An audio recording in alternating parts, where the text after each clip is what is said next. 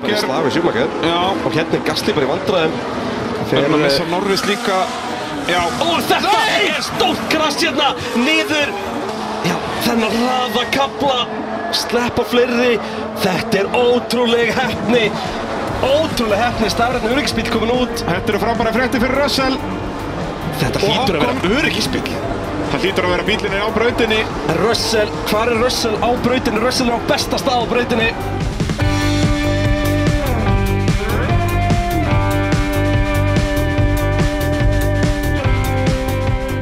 Jú, pitturinn hilsar Nýkomnir frá uh, Miami Heldur betur vorum að lenda í morgun bara Hæ, nei, vorum í stúdíói.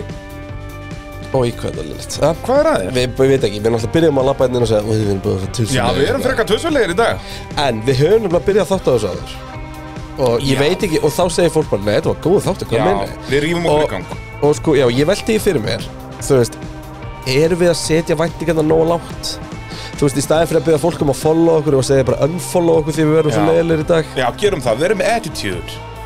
Bara farið og unfollow okkur og... Já, okkur er alveg sama Já, okkur er alveg sama. En það henni er pikkur samt að getur bara followa- að fokka sér og... Nei, nei, samt að muna að followa okkur á Spotify Please, skipti máli Já, Og like á mér líður vel Facebook. í sálinni og svona og hérna, en já, já, það er stór vika framundan og Eurovision um helgina Það er og Júruvísson í kvöld Rallycross á, já, en þú veist við erum að fara dett út í því, sko, er en þú Ísland í veist, kvöld eða? Ísland er í kvöld, sko Já, við komumst ekki áfram Ertu búin að meta eitthvað hver vinnur, eða? Nei, ég er ekki og ég mun ekki einu sinni horfa á Eurovision er ég að koma að stað, Af hverju? því að ég verð ekki í Eurovision partíi og það ég ætla að vera fett og flottur á finnstu umferð Íslandsmótsins í Rallycrossi á sunnundaginn í þráðbeinni á motorsport.is Það er á Boom. sunnudaginn heldur betur, Rallycross alltaf á sunnundi, það er sunnudasport Já, þú veist, ég var ekki að meina, þú veist, það Ég var að meina að það er að byrja Já, Já, en annars ætti ég að vera sótölvaður hann á lögadeginum og það er líka eitthvað Liverpool Chelsea uh, í byggarnum og svo beint í Eurovision og... en maður verður að vera rólegur já það er svoleiðis motorsportið að byrja og ég veit ekki hvað og hvað En er ekki þunnu bræði bara Nei, þú ert örgulega ógæðislega Nei, ég leiðilegur vorkinni þunnur. sjálfur mér svo svakalega Já, þegar ég er þunnur. umlega pælið, sko Með við hlutina sem actually bugga þig Já. Og skapið hvernig þú sýnir að þá hlýtur þú að ógæðislega leiðilega þunnur Já, þess vegna er ég bara, það hefur enginn séð mig þunnan út af því að ég, ef ég er eitthvað staðar út að landi útilegu eða eitthvað þá er ég bara lagður á stað bara kláðan tíu til að komast heim í komfortzónið, sko Já. Ég verð að vera bara einn heima í komfortzóninu En það er dásamlegt, sko Mér líður mjög vel í komfortzóninu Ha? að vorkina sjálfur mér, það er, ég hef oft sagt það ég fer yfirleitt á fyllir bara til þess að vera þunnu daginn eftir Það er Nei. eiginlega skemmtilega, sko Það er að skrýtna sem ég hef heyrt að vera bara að vorkina sjálfur sem mega mikið sko, ef maður er með hausverk og eitthvað getur maður bara verkjalið og þú veist, maður verður svo tussulegur og dásamlegur að það er indislegt sko Það er indislegt, já alveg hreint dásamlegt, ert- næstu í hafn indislegt og verkværasalan við að playa ólís og bóðleið Já, Þú ert svo veikur, sko Já, núna er ég svolítið, mér líður, ég vaknaði í morgun og held bara að ég væri svolítið þunnur Já, ég er nefnilega á samasta Erum við Eins með og- COVID? eða? eða þá við vorum bara að fá okkur á mánudegi og viljum ekki segja nefnum frá því Nei, ég var ekki að því Nei, ekki heldur, Því mér, ég ætlaði að fá mér bjóri í gerðsan, sko það er svolítið Já, hann búinn Já, ég kláraði minn bjór bara á sunnundaginn Já. Ég átti þrjá í ískapnum, kláraði á alla Kom heim, fór í pottin bara Mm. Það fá mér bjóri í pottinum í sólunni Ó, Eftir útsendi kom sunn Nei, í gær Nei, í gær, já Eftir útsending og sunn, hvað gerði ég eftir útsending og sunn? þá drakk ég þrjá bjóra á steinsofnaði bara klun,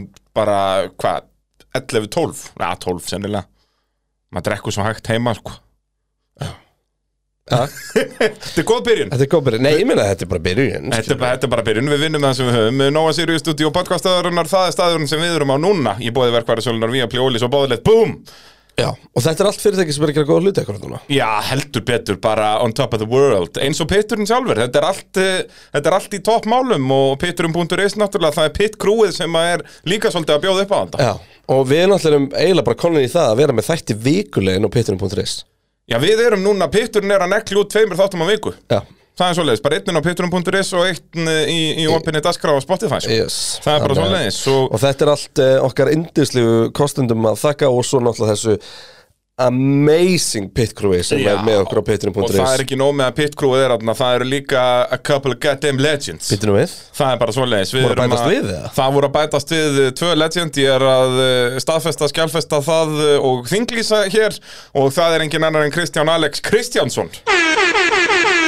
Kristján Kristjáns Eh, Já, ég meina pappans hefur ég frumlegur og ég- og pappi minn Já, já, það er, það- en hendi löfleitt um millinafni Já. Þannig að það er, ég er nefnilega ekki mikill millinafns maður sjáðan til Ég er mikill millnafsna maður Já, það er náttúrulega bara tískan í dag Ég þekki eiginlega enga foreldra sem er að skýra krakk í dag og það er ekki millinafn sko. Nei, ég meina þú veist, brandi mitt sem kappansökum maður Já, Kristján Kristjánsson það er klanda Já, og þó, það er samt bæði Svo international átti ég- Æner er svo ekki átti international sko. ég, ég veist, Svo átti ég þetta Kristján Einar þangað til að það mætti ykkur gæja og byrjaði með vesinn og spáni Afur ekkur að verið því Það var eitthvað verið því En þú veist, Christian er international Ég vil að hann haldi áfram að vinna með þetta kleini Því að það er eitthvað sem mun aldrei festast um mig sko. Já, það er uh, a timeless classic það, er, það, er, það, er, Það það er- er áhugavert Það er áhugavert, það er ótt að segja það Hver, Hversu margir sendu þér svona fréttina þarna "Ö, Varst þú að drullið á spáni? um, Svona um það byrð 300 Já, ég myndi, ég var hálsbreytt frá því að gera það, sko. Og það voru alveg, já, þ- málið er það þú ert og latur, sko, þú er Já. aldrei nefnt að gera þetta almennilega, sko. Nei, Þú aldrei. veist, ég fekk, sko, besta sem ég fekk, ég ætla bara að finna það hérna. Sest, það sem við erum að tala um að það var einhver Kristján Einar á Spáni í tómurugli og var að fara í fangelsi og Já, eitthvað og sérst, hérna, besta svona sem ég fekk var uh, óneðilega frá einum í The Goddamn Pit Crew uh, sem er okkar besti Jón Þór mm. Mensu, hann sendi á mig hérna einhverja, ég þarf að finna þetta Þú ert að finna þetta, meðan, að þú, meðan þú leitar að þá getur líka sagt þér það að uh, Marún Tryggvi Cooper Heiðarsson er uh, partur af the, A Pit Crew Legend uh, crewinu Og sko talandi um að ég sé ekki Vá. millinafnsmaður, hann er með A Double Trouble Ég Já. fíla það ábyggilega betur heldur en sko bara eitt Ég er Ha? náttúrulega bara Bræði Þorðarsson og öll sískinni mín eru bara, það er bara Magnús og Ingibjörg, Þetta er, við erum ekkert að flækja þetta sko Nei, nei, En uh, Það er ekkert að Marone, spandra. hann er að henda í tvö Marone Marone Ég ætla ekki að sko að sé Maron, en ok Já, en Marone er miklu Maroon, mjög já. svalara sko. Ef að, ef að, við við líka ef að Willy T. Ribs hefur að segja það, það hefur Maroon, Oh, Marone, how are you physically and how was the car? baby Herri, ég held að Jóþór sendi sérst, eh, þú veist, ég ætla bara að sína þér og því að það er bara búið að breyta hérna mjög góð Já, það er photoshoppað inn krútleiri mynd af þér Íslenski kallmaður sem ég haldi lögregluspánar eh, Nei, lögreglunar á spáni eftir að hafa verið handtekinn þar í marse Kristján Kristján áhrifavaldur og þáttastjóðandi með meiru Búm. Þetta herma heimildi fréttastofu Sveitn Há Guðmarsson, upplýsingafullur í ráðunetisins staðfesti fyrir í dag að leita hefur verið borgaða þjónustu vegna handtöku íslenska ríkisborgar á spáni hann gæti ekki tjá sig fyrir grömmálið Kristján Einar hefur verið dæmdur fyrir að fylgja ekki tvöföldu gulu fl- flaggi og braut Wow! margsinnis og brjóta, brautatakmörk hér á landi sem utanlands ekki líku fyrir hvers vegna hann var handtekinn á spáni Þannig að hann basically breytti bara kannski svona tveimur setningum Annars er þetta alveg öll fréttin Já, I like that Þetta er, alveg, þetta er alveg vel Og gert sko. photoshoppað mynd af þér og Já. allt þetta er bara eh, En Þetta er Jón Þorra meira þess Brokkar að held maður, ég sko bara verið að breyta kóðanum sko Það er Já. alveg, það er orðið auðvöld að gera það Já, þetta er bara, þetta er- þetta er klassík, það er það. En við þökkum eh, Kristján og Kristjáns og eh, Máronni Tryggva kærlega fyrir eh, að bætast í Legends-hópin og hvetjum aðra til að gera slítið samæðin á pitturum.is. Það er líka bara svo gaman að vera svona umkringdu góðsögnum Þú Já, ég pæ- pældi í hvað við erum veist, ég held, ég held ég fengi upplega það á sinn tíma Já, en Í, það er- í var mínu ekki sporti, raunin. Það var hitta, ekki þú veist, raunin. einhverja Sergio formuleika Perez og einhverja kalla. Já, þú veist, það var nú ekki góðsögn þá Nei, nei, en þú Eitthvað veist. dikk Já, En já. hérna, þú veist, einhverja svona John Surtisa og, og þannig lað En svo bara allt í hennu, en maður umkringdu góðsögnum alla daga já. Það er svolítið, og, og í rauninni áttaði ekkert á því þá að það, þú varst ekkert að umkringja þig góðsögnum því að Nei. það var fyrst að gerast núna, sko. Já, það er Þú bara- vorum bara fertugur með allt niður í þig. Eh, Já, við slum alveg slaka og henda maður í fært alveg strax Já, það er, það, þetta styttist Heyrðu, við skulum þá byrja á uh, spurningum uh, minn allra besti Raki M, ég þurfti náttúrulega að henda þessu inn uh, Hvað marga tíma var bræði live þessa helgina? Þú veit að það var náttúrulega torfara á hellu sem það til Þannig að sem betur fer var Miami kvöldreis sko, þá gæti ég hoppað í næsta herbyggjaðan upp í, upp í skjáskott Nú ertu búin að prófa svona gálgavakt eins og ég er búin að taka Já, þú ert búin að taka nokkrar svona sko, þegar þú skottast í, í tölvuleikina þarna annarkvort fyrir eða eftir formúluna sko. Þannig að, Versta var náttúrulega ástralju helgin sko já, það var ekki Það var, það var ekki mesta fróðlegt. Það var mesta death row sem ég auktum að vera á sko Já, ég get trúið því, þú varst líka hansi bugaðar þar sko Já. Það er, Ég mögulega fekk olbóð sko einu svona í, í æfingu Svona þegar já það er sko út af því að þú, við höfum nú talað um það Þú ert ekki manneska sem getur sopnað, þú veist, on the spot Nei. En þarna var það ekki neitt vandamál Já. Það er bara, Þið ef geta þú ekki lagt horfðir á mig. sófan þarna frammi, þá sopnaður Já, Það var dásamlegt En, eh, jú, jú, ég var hvað, í torfærinni var ég kannski í 11-12 tíma samtals eitthvað svoleiðis já, og... já sest, ekki kvot daginn Nei, nei, samtals, þetta voru tveir dagar þarna Þetta var og- flott útsetting og- Þetta var Ég virkilega Þakka velkjast þér, þakka þér Ég veit að það er erfitt þarna, en alltaf ekki netsamband þarna í þessum Já, grifi þetta er vesen, við vorum með hérna Nova kerruna þarna til að búa til eitthvað internet sko, ég sk- náttúrulega skil ekki hvernig interneti virkar En það var bara dælt internetið niður í grifjur er internetið bara búið til á kerrum? Já, þá þú kemur bara með kerru og dælir þessu onni í sandin bara einhvern veginn, ég veit ekki hvernig það virkar sko. en, en það var eitthvað svoleiðis og, eh, og er- hvað er formúla ein helgi, er það, í, er það tíu tímar eða? Þegar við erum í útsendingu Já Nei, í útsendingu er þetta minna, þetta eru þrýr samtans í, í æfingum, Æfingum. einn og hálfur tímataka Já, tveir, tveir og hálfur keppni, Þetta keppni eru fjóri, þetta eru sex tímar eitthvað hannig sex tímar, þannig að hvað, við erum að tala um svoleitt átján tíma Já, sjö í- tímar. eitthvað svoleiðis Sjö tímar kannski Þetta eru 17-18 tímar sem eh, B-hundurinn var í útsendingu um helgina Og eiginlega ættir bara að taka sko tvo tíma af og segja bara að þetta eru 16 tímar og tveimur dögum sko Búm Því að þetta var náttúrulega þannig, þú veist Já, já. Það var miklu meira hann að eða, þú veist, Æfingarnar á Það var, föstudaginn, það var nóg að gera hjá Brann, sko. Já, kannski er vel ég þess gert. vegna svona bugaður í dag Þess Ég að er bara búin að tala þriðjudagur, of sko. mikið sko. Já, þetta ég var nefnilega fýtning gæðir sko. Enda líka fekk mér bjóra á sko. Svo sem sunnundag við ekki, ekki taka það að brallunum að þegar við kláruðum útsendingar uh, þá fór brallunum að klippa fréttir sko.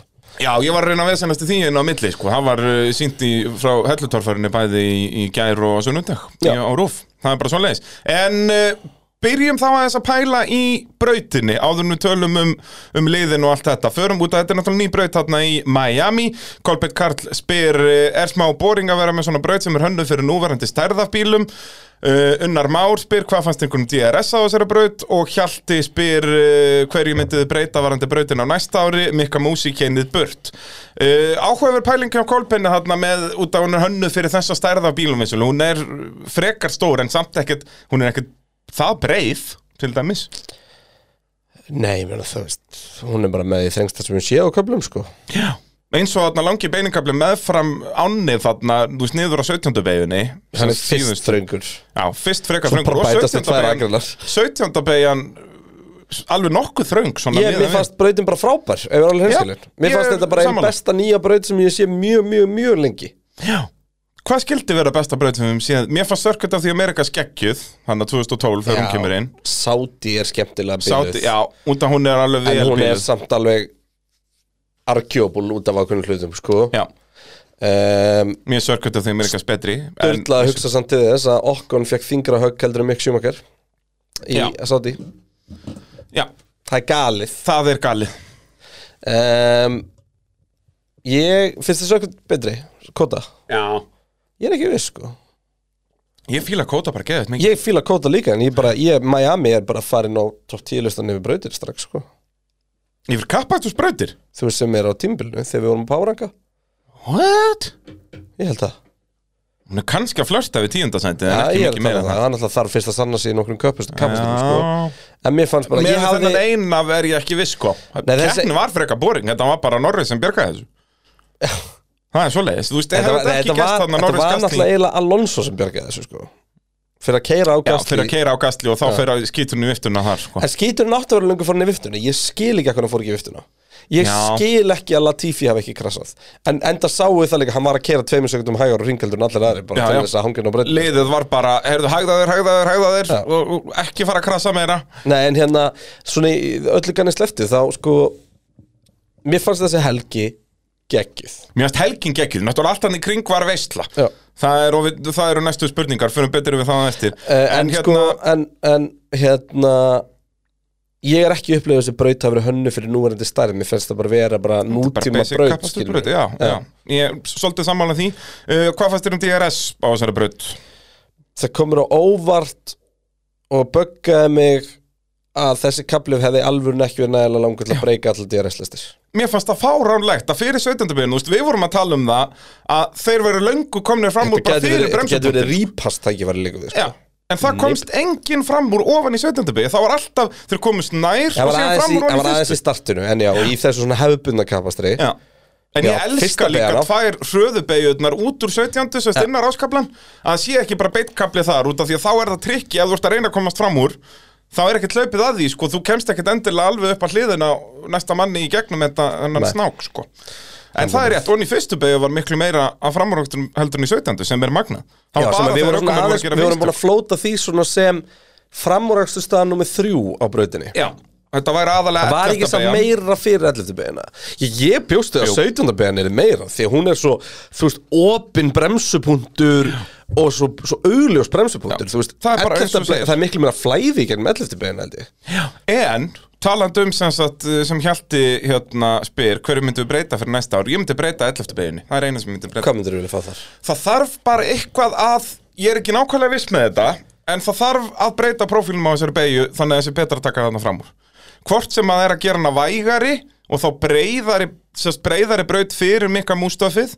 eða þá bara ennþá krappari og hafa þetta bara eins og 17. beigju basically En, En- að hafa hana eins en vera með banking á utaverinni gæti gengið, gæti gengið að hafa hana bænt og þó við höfum séð að Af það hverju er næsta begi bengt?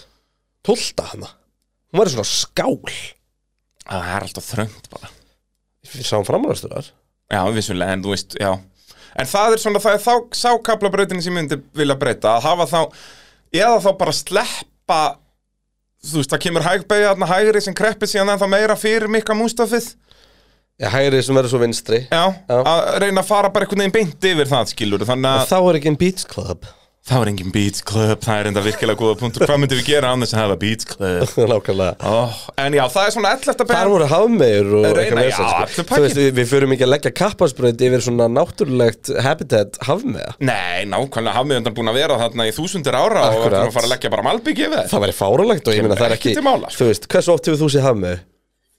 Ég, það var einu bara, ég, gott ef þetta var ekki mín fyrst þarna Nei, ég fór nú sem krakki og sjá hafmeðurna hann í Kaupmannahöfn Já, hún er reyndar úr stein Já, hún er ekki Þessu alvöru, já, staðar. Nei. já, ég var svo ungur sko, ég mann þetta ekki, ég mér minnir hún hafi verið alvöru En já, lifandi hafmeður, þær lifa náttúrulega svo lengi hafmeðurnar, þær verða alveg 500 Ég veit það ára ekki, en eða- það er alltaf augljóslega á hardrockvellinum í Miami út á bílastæð Já, þær fjölga sér svo mikið í Mýrlandinu þarna í Miami, sko. þær er allar þar og svo poppa þær hann upp í þessar náttúrulegu laugar sem hafa verið Af hverju þarna var í, engin- í þúsundir ára Akkur var enginn kalkins hann með hana Já, það er rétt, sko, eru, eru kalkinshafmeður, eru þeir þá fiskar að ofan og venjulegir að neðan? Ég eða? vona það Það væri mjög áhugavert sko Ég man eftir því grín í, í Family Guy og það var veist Það var dásamlegt En hérna, jú, brautin er, Það er væri sérlega það mest óspennandi sem þú getur fundið sko. fiskur að ofan og, Og- og limur að neðan. Limur að neðan og Það er leggir ekki alveg. Limur og leggir Já. Getur ekki klikkað?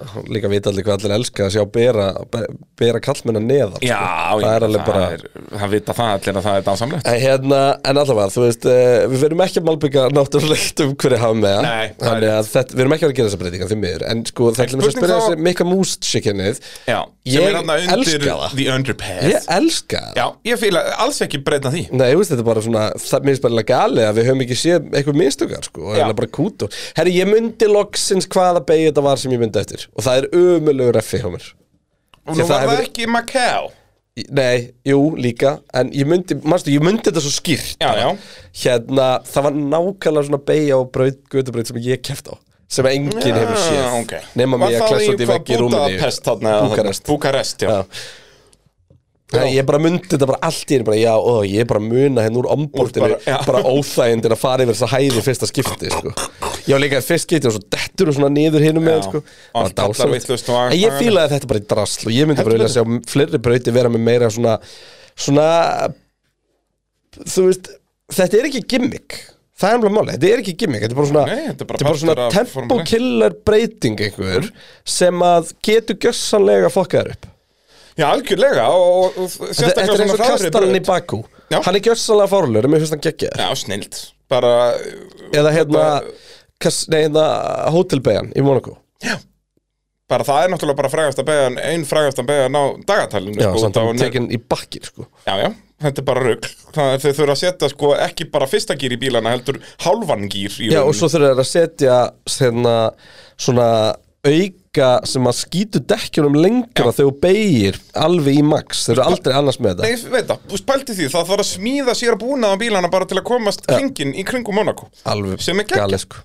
Hérna En mín skoðun á Miami er bara að þetta er geggjubraut og ég held að við munum fá geggja kappastarinn í framtíðinni Já. Ég held bara aðstæður núna tærver og annars lít, ég hefði alveg vilja sjá að fara bara með harðari dekkana eða þá bara alveg mikstu, ég vil ekki sjá milli aftur hana og hérna og því að þú veist það var of auðvöld að vonstofa Já, fara bara á miksa Tvekkjastofa var keppni, hefði gjör breytt svo sko Algjörlega, og Pirelli voru að reyna stólinn á það en leiðin sögðu bara fuck you það sem er svo leiðilt samt er að þú veist, þú ert með þú ert með fremstu liðin þau ná alltaf að einstofa Já, Því, þú veist, Út þau af eru því með að þau- bílna sem að far hraðast án þess að taka mikið á dekkjunum já þessast þau geta lækka peysið sitt niður í fi- 95% og samt verið hraðar en hinnir, Já. skilur En málega það, það væri svo áhugavert eða það væri sko midfield bílar sem gæti þetta Já, Ah. og getur það farið að ruggla í toppunum Akkurat Þú veist, veist, og bara bara, eins og bara Lotus verstafinn voru þarf að hérna í fara tvö ár. fram úr hérna Bottas Já. og þið eru tíur hingir eftir en Alfan er á ógeðslegum dekkjum Verstafinn mun alltaf ná því en þetta fokkar samt í keppnisállinu Mhm. Já, og gerir spennu Þú veist, manstu hérna 2012 og 13 þá var Lotusinn svona, þegar Já. Kimi var hjá Lotus þá bara hann fór langbest með dekkin af öllum Bara keirði og keirði Já, og já, keirði og þá reglulega var Kimi kannski í öðru seti eða eitthvað, síðan gerist það stundum að Kimi var í öðru seti og í endan hrundi dekkin fram af fjallinu og hann endaði bara áttundi, skilur Akkurat. En þetta er alltaf búa til spennu, skilur og bara fleiri stopp er alltaf skemmtilegra og við sáum það í fyrstu Já. kefnum þegar þeir voru að tvekja jafnvel þryggja stoppa og við vorum að vonast til að þeirri svoleiðis bara allt tímabilið en, en liðin eitthvað aðeins að læra Þarf að þetta skilja en- dekkin. Já, Pirelli þurfa þá bara að fara í andþá mikra stöf, það er bara svoleiðis En tölum þá um stöfið í kringum brautina Já. Stefán Pálsson spyr eh, Voru þetta óþægilegustu post-race viðtöl eða? Baby Baby oh, Bragi What a mighty good man. Chuck Bragi þetta, var, þetta var rosalegt I think these interviews were just great You've Baby. been doing so good baby oh, and, how, and how you doing physically, baby? Got some mighty good muscles there baby Oh, Og þetta er sem sagt eitthvað legend að taka sér viðtöl hann Hann eh, testað Formule 1 bíl og var að keppi IndyCar í, í mörg mörg ár og átti bara ágættis fyrir þar En þetta er svona eins og þeir fengu massa í þetta Bara Fílík Massa, heyrðu, já, hann var hérna í öðru sem Þetta var svona skemmtilegt Massa var Já, svona Massa var bara svona- óþægilegur. Já, það er lúvaleg Það er svona Það er ekki marga grímyndur og svona stöf sem ég séður æfina sem er fysikli líður illa að horfa á Já. En það var svo tilfinning þegar Massa Þegar Já, þessi þegar, var þegar massa var að þá var þetta svona "Æ, Please hættu, bara hættu, Já. köttum af þessu bara En getur þetta einhver bara var bara skorið manni comedy niður sko hann Nefn að það var bara svo fyndið að tala við, þú veist, við slökkum á okkar mækum náttúrulega með hana, hérna, viðtölunir í gangi og vorum að tala saman yfir þessu. Ég hef aldrei séð jafn miklar, að, sko, andstæður, heldur en þessi gæi sem er bara, þú veist, aln upp í Detroit, bara grjótarður eitthvað, að tala við Sjalli Klegg, sem að fór í The Finest School in Monaco. Og bara, og, og líka Klegg var bara, býttu, hvað er í gangi? Hvað er að gerast? Og líka, þú veist, ég, sa- maður sá það við Áli Klerk, hann var ekki að fara að svara spurningunars, hann var svona eins og Hamilton gerir alltaf, þú veist, hann var að þekka fans eitthvað hérna og bara svo svarar hann bara einhverju sjálfur. Já. Leik Klerk ætlaði að detti þanga, sko. Þetta var, og verðstappin var ekkert betri, sko, hann var bara, hérna." En- býttu, en- Þetta þetta er einmitt, þetta er einmitt, þetta er- þetta- þetta- þú veist, þú segir þetta svo fullkvæmlega, þetta er Willie T. Ribs Yeah. og Charlie Klerk. Sjalli Kli from Monaco Þetta er bara, ó, ég elska þetta svo mikið sko. Þetta var geggja. Ó. En sko, málið er það, bjánulegt eða ekki, þetta var bara skemmtilegt. Já, já, og okkar allra bestið þarna Þetta var eitthvað goddamn legend sem að var að spyrja þessi spurninga uh, Rundolf Róli spyr hversu töff var það að koma inn á pallin með NFL-hjálma á hausnum Það var aftur vel bjánulegt. en, Vel bjánalegt. Hérna, það er bara iconic, skilur það Já, var þeir eru með skemmtilegt. kúrekata í Texas Já. Þannig að hafa henda þér á þessi Miami Dolphins hjálmum uh, í Miami Já, já, og mjög ætla ekki að geða þetta var, þú veist, actual hjálmur svona Já, sem eignabikar fyrir aukumann Nei, Já, eitthvað áritaður að Best með Miami Dolphins er ekkert eitthvað svona legendary lið sko. það er bara cool, Já. þetta var skemmtilegt og það er bara bara búið til crossover, það er bara bara búið til tenginguna og það er bara gaman Já, og þeir voru náttúrulega bara við entranceið á vellinum að, þú veist, það var búið að reysa pallin þar, Já, skilur það sem ég fannst kannski erfiðast í þessu var þessi mótorhjóla lauruglufylld í gegnum Oh my undergroundið á vellinum til að komast að pallinum Já, Það, fannst mér erfiðast Þá hefði ég bara viljað fá eitthvað svona Miami Heat eitthvað hérna, þú Bara veist Miami Vice Miami stemming ykkur að Vice, hafa já, bara í bara- hvítum jakkafundum eitthvað gróð Svo hversu góð tímasetning hjá okkar mönnum hjá Viaplay Miami Vice, allar seriurnar, sérst klassiska stöffið Var að detta inn bara núna á miðvikudaginn eða eitthvað Bara, þeir vita alveg hvað þeir syngja þarna Það sko. er ekki að kipta í gang bara Já, vel og það er þetta kúla sem við erum oft núna með hendi Ég hef nefnilega aldrei hort á Miami Vice, sko Ég horfði á bíómyndina sem hann gerði eitthvað 2005 eða eitthvað Bara með Jamie Foxx og eitthvað, hún var ekkert spes Já. En þessi þættir eru náttúrulega legendary, sko Og, og hann, ég þarf að tjekka á þessu Þetta er líka 80s bandaríski þættir Það er, getur ekki klikkað En hann Nei. er svo nættarættir og allt þetta stöf Akkurat, akkurat Þetta er jóla á FM uh, Þannig að já, þetta var allt uh, En þú veist, hvar stöndum við á öllu þessu gimmick stöf í kringum þetta? Ég elska þetta allt Louis Fancy að spila fyrir og... Já, ég hérna bara make a fucking show of it, skilur Já, og eins og hérna þegar þeir eru í Texas að þá, þú veist, kemur hann hérna boxkinnirinn að kynna þá og þeir hlaupa inn ráskablan og Já. eitthvað. Bara, go for it. gera þetta Bara- Þú veist, og, bara, og búið til hefðir og bara eina, þú veist, bara svo lengi sem við erum ekki að búið til eitthvað American boost if you go on the outside eitthvað formúli edót sko Já, þú veist svo lengi sem að kappaksturinn Já. sjálfur er eins og hann þá á að máttu vera. búið til jafn mikið gimmick og vilti krig Já, og það er bara fínt að bandaríkin eru svona vel bjánalegin þessu, þú veist, síðan fyrir við á Silveston og spa og eitthvað, þá er þetta meira um söguna og þá er þetta meira respectable Ég var það og líka allt fullt þetta. af svona gimmiku sem okkur finnst ennþá geggja Hversu bjánulegt er að einhver her kom alltaf fljúandi yfir með ítalska fánan á Ítalíu Ég segi það Þú veist, hversu mikið gimmick er það? Þetta er, þetta er allt bara, meik, við er, þetta er náttúrulega snýst bara um að búa til sjó Já, þú ert bara að koma þarna á skemmtun alla helgina Íþróttir Þrástæði er fyrir bara að kaupi sjó. miða Fösta lögut á sunnudag þegar þú fyrir að formulega eitt, skilur Það er akkurat málið og hérna og þú veist, þetta er bara partí og þarna var bara standandi partí og þetta var svona svolítið öðruvísi og þetta var dýrara og annars líkt en hérna margt af þessu var krins, já Já, já, það er bara djöfull- gaman að því en, þú veist, en ég horfði á þessa keppni og sagði bara ég ætla ekkert bara að vera á þessa keppni Jep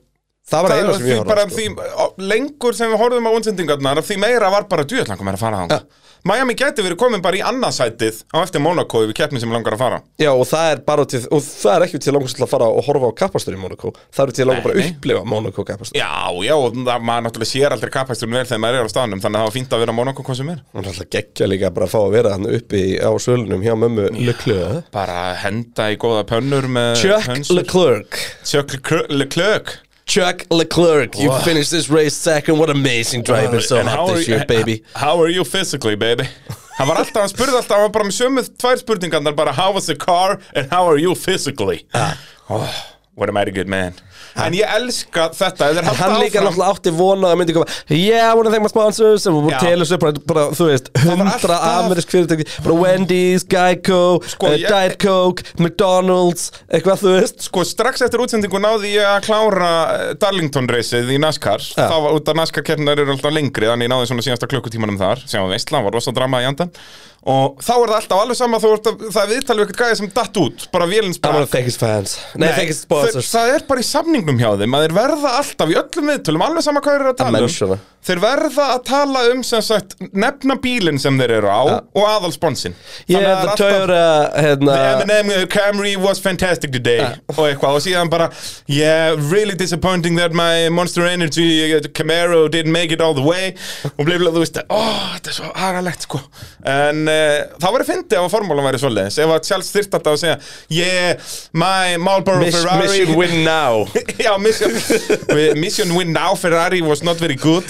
E- eða Max Verstappen að- nei hérna við þetta ekki ef að Fettil væri ég er því, því Aston Martin Cognista, Cognizant Aramco Aramco og hérna- er ekki þriðji sponsor Jú, þarna líka hvað er það Ég man það ekki En það væri svoleiðis hérna, Red Bull Racing Red Bull Oracle Red Bull Racing eitthvað, þú veist. eitthvað, já, já, Allt allt að eitthvað- henda í allt já. þetta Það er, en þetta var skellur fyrir minn mann uh, Jeff Gordon Þú veist nú hver það er Legend Ég veit ekki Jeff Gordon er. Var þegar NASCAR var upp á sitt vinsalasta alltaf hérna. DuPont Já, og það og þú veist það Darlington bílinn hans alltaf cool Já, nefnilega, og já, Darlington er alltaf svona verið að hendi throwback paint schemes Já. og einn úr hans gamla liði, Hendrick Motorsport, hann Byron uh, hann hendi í svona mest svalasta lukki hans þegar hann var með svona flames að framan já, já. og eitthvað hip og cool og sá hvað ég var að vinna og þegar að Jeff Gordon mætir á brautina það voru bara fimm hringir eftir út að hann var í Miami, Jeff Já. En nær að fljúa þannig yfir, nær síðustu ringjónum og þá kemur helvitiðan Joey Logano og bombar, þetta er svo fyndið í NASCAR ef að bíllinn fyrir aftan er hraðari hann ennir ekkert að fara fram úr, hann bombar bara aftan á hinn og tekur fram úr og hann endaði í vegnum og endaði 13. eða eitthvað gæðin sem var að vinna og þann Logano netta ekkert að taka fram úr og það er aldrei dæmt netta á þetta skilur það er bara, já svona er þetta og, og eina sem Bæron getur gert er bara að hefna sín næst þegar þetta gerist Já. næst þegar þeir eru hlið við hlið að þá verður Bæron bara að bomba honum út bara bing bara búm Eins og maður gerir. þetta er opposið svesla sko ég er vel dottin inn í naskar núna sko ég var að reyna þetta inn í þetta fyrir það gekk misvel nú er ég alveg ólein í þessu sko við tökum úslitakefna saman I like that svo var nú ekki að vera að tala um hvort að við ættum að lýsa indi 500 það var reynda veistla Já Ég væri þá til í að gera það svona eins og Daninni gera það Þannig sem að þeir eru nú alltaf bara að spjalla þegar að auðlýsingarhliðinu Já. Svo eru amerísku lýsendir En svo, en náttúrulega þú veist, Og þá er það 80% að 50-50 keppni bara. af Já, já. auðlýsingarhliðinu Og Það er svoleiðis. þá er það meira bara svona spjall Þá er það meira bara svona pitturinn mætir á meðan auðlýsingarhlið í bandaríkjunum sko. heyrðu það er reynda þetta er virkilega gott sjá um, Ég væri til í að gera það þannig sko. Já, heyrðu, uh, pælum í því uh, Brotti Gunnars spyr uh, á þessum fjölmörku stjórnum sem að skelltu sér á brautina en hafa aldrei hort á formúluna uh, Hver var aðal stjarnan að ykkar mati? Hvað fannst ég að stasta nafnið þarna? Ég náttúrulega elska David Beckham, sko Já, mér fannst náttúrulega þessi mynd af Brady, Beckham, Jordan og Hamilton vera bara, þú veist, þyngdin í þessu var eitthvað annað, sko. Hvað skildu að hafa verið margir titlar á Ég var þessari mynd? óvæslega verið með að telja. Þetta lítur að vera yfir 30, sko Ok, byrju, Beckham er aðalega svona sem við vitum ekki. Hvað er Beckham með marga titles? Hann er með alveg nokkra FA, hann var náttúrulega svo mikið með mannjú, sko Ég leitaði að Beckham titles og það kom bara upp bækur. Hann vinnur, eh, hann vinnur bara Byrju, einn hérna, David- deildartitil David- með Real David Beckham Hall of Fame hérna. Einn deildartitil með PSG, einn held ég með LA Galaxy Eh, Sex mest, hérna, Premier League titlar, tveir FA Cup sex. og einn Champions League. Já. Eh, Þannig að hann er með Þannig 6, að það er 8, átt- 9 Vann hann níu. ekkert með Inter eða eitthvað þannig Nefn, ekki með AC Milan Asi minna ég Nei Hann var bara lánið Real. þar frá LA Já, einn deildartitil og ábyggli einn kopallir rey eða eitthvað svo leiðins Ok, allavega í Breitlandi er hann með sko 6, 8, 9 titla fyrir Hann er United. ábygglega með svona 15 samt, Nei, hann nær því kannski ekki alveg Hann er með svona 13, segjum það Hamilton með 7, þannig að það eru komin í 20 Michael Jordan, vann hann ekki bara 4 Sex. Hann vann 6 91, 93, Þannig að 97 Nei, 91, 92, 26, 93, 96, 97, 98 26 titlar, hvað er Brady með? Er hann með 6 líka? Uh, Tom Brady, Eða sjö. Super Bowl wins Já, hún alltaf þar þyrfti maður eiginlega að hann tellja er hérna með 7 Hann er með 7 Hann er með 7 Þannig að 26 pluss 7 það eru 33 titlar á einni mynd Það er, og, og fjó, fjóru menn á myndinni sko. Já. Og við erum bara að tala um sko Þú veist, top level titla Já, já Það, veist, uh, það er ekki verið að tala um hann eitthvað Formule 2 titlana samhældun og eitthvað þannig En hva, hver fannst þér þesta stefnan hann? Á þessari mynd? bara á staðnum. svæðinu Já, já, eða þú veist bara þínu mati sem, Sko, það sem ég fannst skemmtilegast að sjá var Michelle Obama Hann var enda veistla, Mér hann var fannst alltaf það- eins og hún væri bara í En pitkrúni hún var bara fókusiruð Já, já, Það var bara eitthvað aldrei eitthvað að lappa um í Herra, pitnum byrja, og ætlaði hann knúsa að vera fólk, millur Þetta er eitthvað um tvo ringi viðbúta Já, bara eitthvað, hvað er í gangi hérna? Það er vissulega gott sjánt Ég fílaði Þau það, er sko. heima í Miami, eða ekki? Eða ekki hús þar?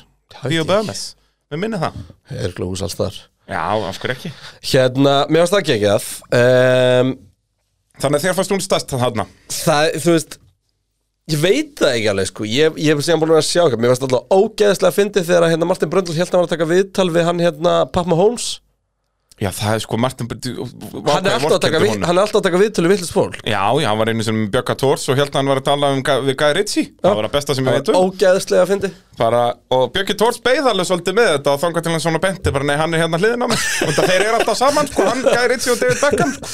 En eh, já, lögrandi lettur En ég er, ég er í tím Beckham allir, þetta, ég er svo skrítin með þetta Tveir- Getur þið tekið Beckham fram fyrir MJ? Ja?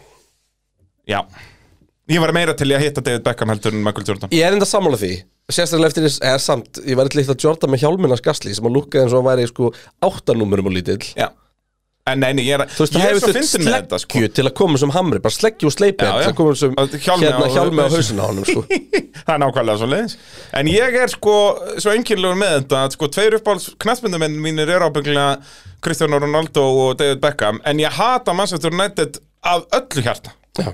Svo þannig að ég skil þetta ekki alveg sko en, en svona er lífið e, Særún spyr hvað fast einhverjum myndatöku kefninar Sko. Það var einn agalugur punktur þar maður ég, Nei, ég er umhlega, ég ætla að fá skipt sem í tvent Mhm. Mér fannst myndataka kemnar geggjuð Já, mjög flott hvar myndavélunar voru og svona hreyfingarnar Geggjaðar En útsendingastjórnin Klippingin Oi, hvað ég var pyrraður En það ég held ég að sagt það bara í útsendingu Já, og það var heitt undir kreinatum þar Ég veist, það var eitthvað alltaf gerast í Já. byrjun Og það faraði bara í og replay Leclerc, og sína Verstappen- kraddi. Leclerc er að reyna að fara aftur fram úr Vestapen Já, og sínt okkur ekki sjött og sjöndu þeir sína okkur, þeir sína okkur hérna krátið og þeir sína okkur svona Endursýningu. slow motion já, þeir sína okkur endursýningu og slow motion af andlitunum á Horner og Tótnei og hérna Já. Binotto þú veist, ég var að vera geðveikur sko. Já, þetta var agalegt Það er bara nákvæmlega þú veist, svoleiðis. þetta er alveg eins og bara restart replayið þú veist, já, hendi í það, það er ekkert búið að gerast þetta Já, tvo ef það eru ringi, öryggisbíl eða en eitthvað gefðu okkur 5-6 ringi allavega og leiðu þessu aðeins að setla sko. Ég segja það, leif, einmitt, býða í 5-6 Ekki sína þetta á öðrum ring ég, var, ég var virkilega þreytur á þessu sko. En þetta var í rauninu bara þetta þarna eina Og svo hefði ég alveg viljað sjá meira af uh, Krátinu Já, við vitum ekki ennþá hvaða kaos var í gangi hérna Það, við höfum ekkert séð að því Það er- bara- Það var bara, við sjáum bara röðina sjöflast og sjöflast Ég, og það var bara sjöflast og svo verið að var stokka skipti yfir á- spilastokkan aftar, Já, sko. og svo var bara helmingurnaðin dottin út í endan og við veitum ekki neitt Ég veit ennþá ekki Alveg. nákvæmlega hvað gerist og kefa Magnúsen sko.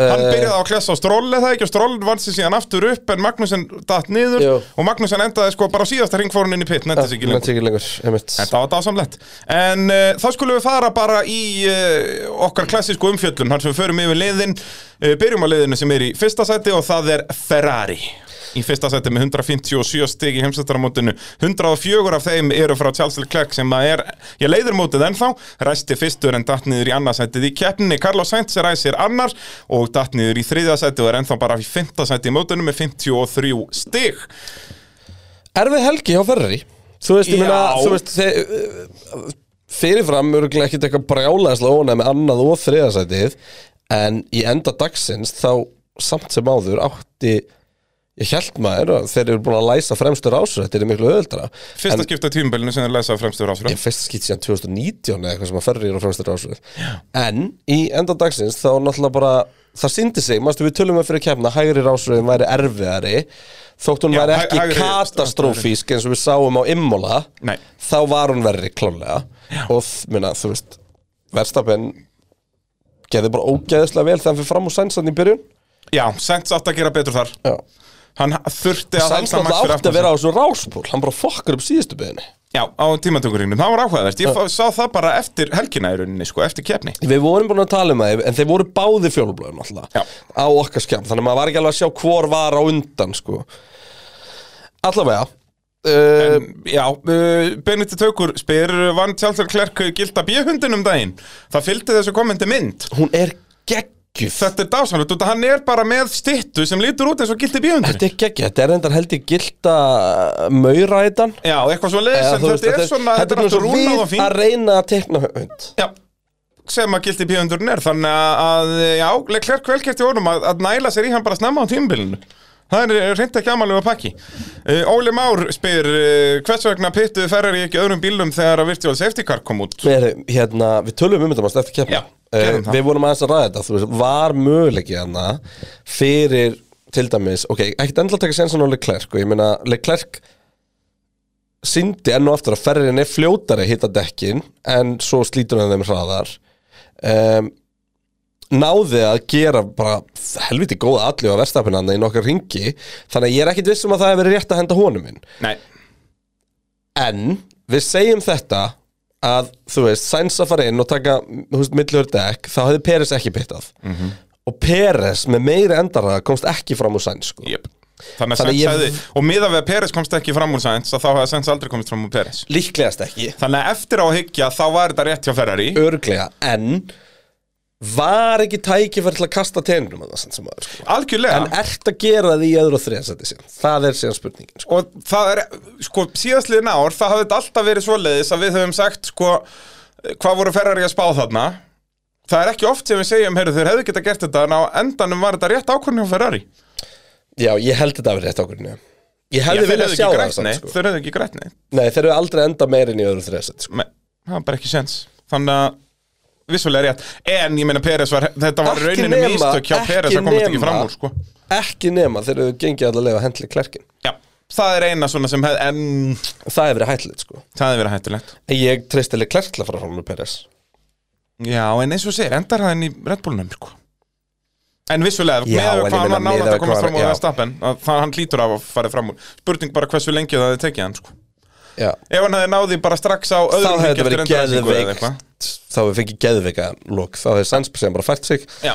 Og hérna, það hefur verið geðveikt sko Heldur betur að, hérna, uh, Þannig að já, annað og þriða seti bara nokkuð fer þarna uh, Andrés, Já, og Red Bullin var klálega hraðar í bílinn hana já, Þú 100% veist, það var ekki mikið á milli þeirra En hann var líka, sko Ok Hann var aðeins hraðari En hann var meira svona raceable Þú veist, hann var betri í þennan kappastur með endarhraðan Já, algjörlega Uh, A- Andrés Haugur spyr, var þetta ekki bara ágætt kvali og keppni frá Carlos að keira 95% og ekki klensa?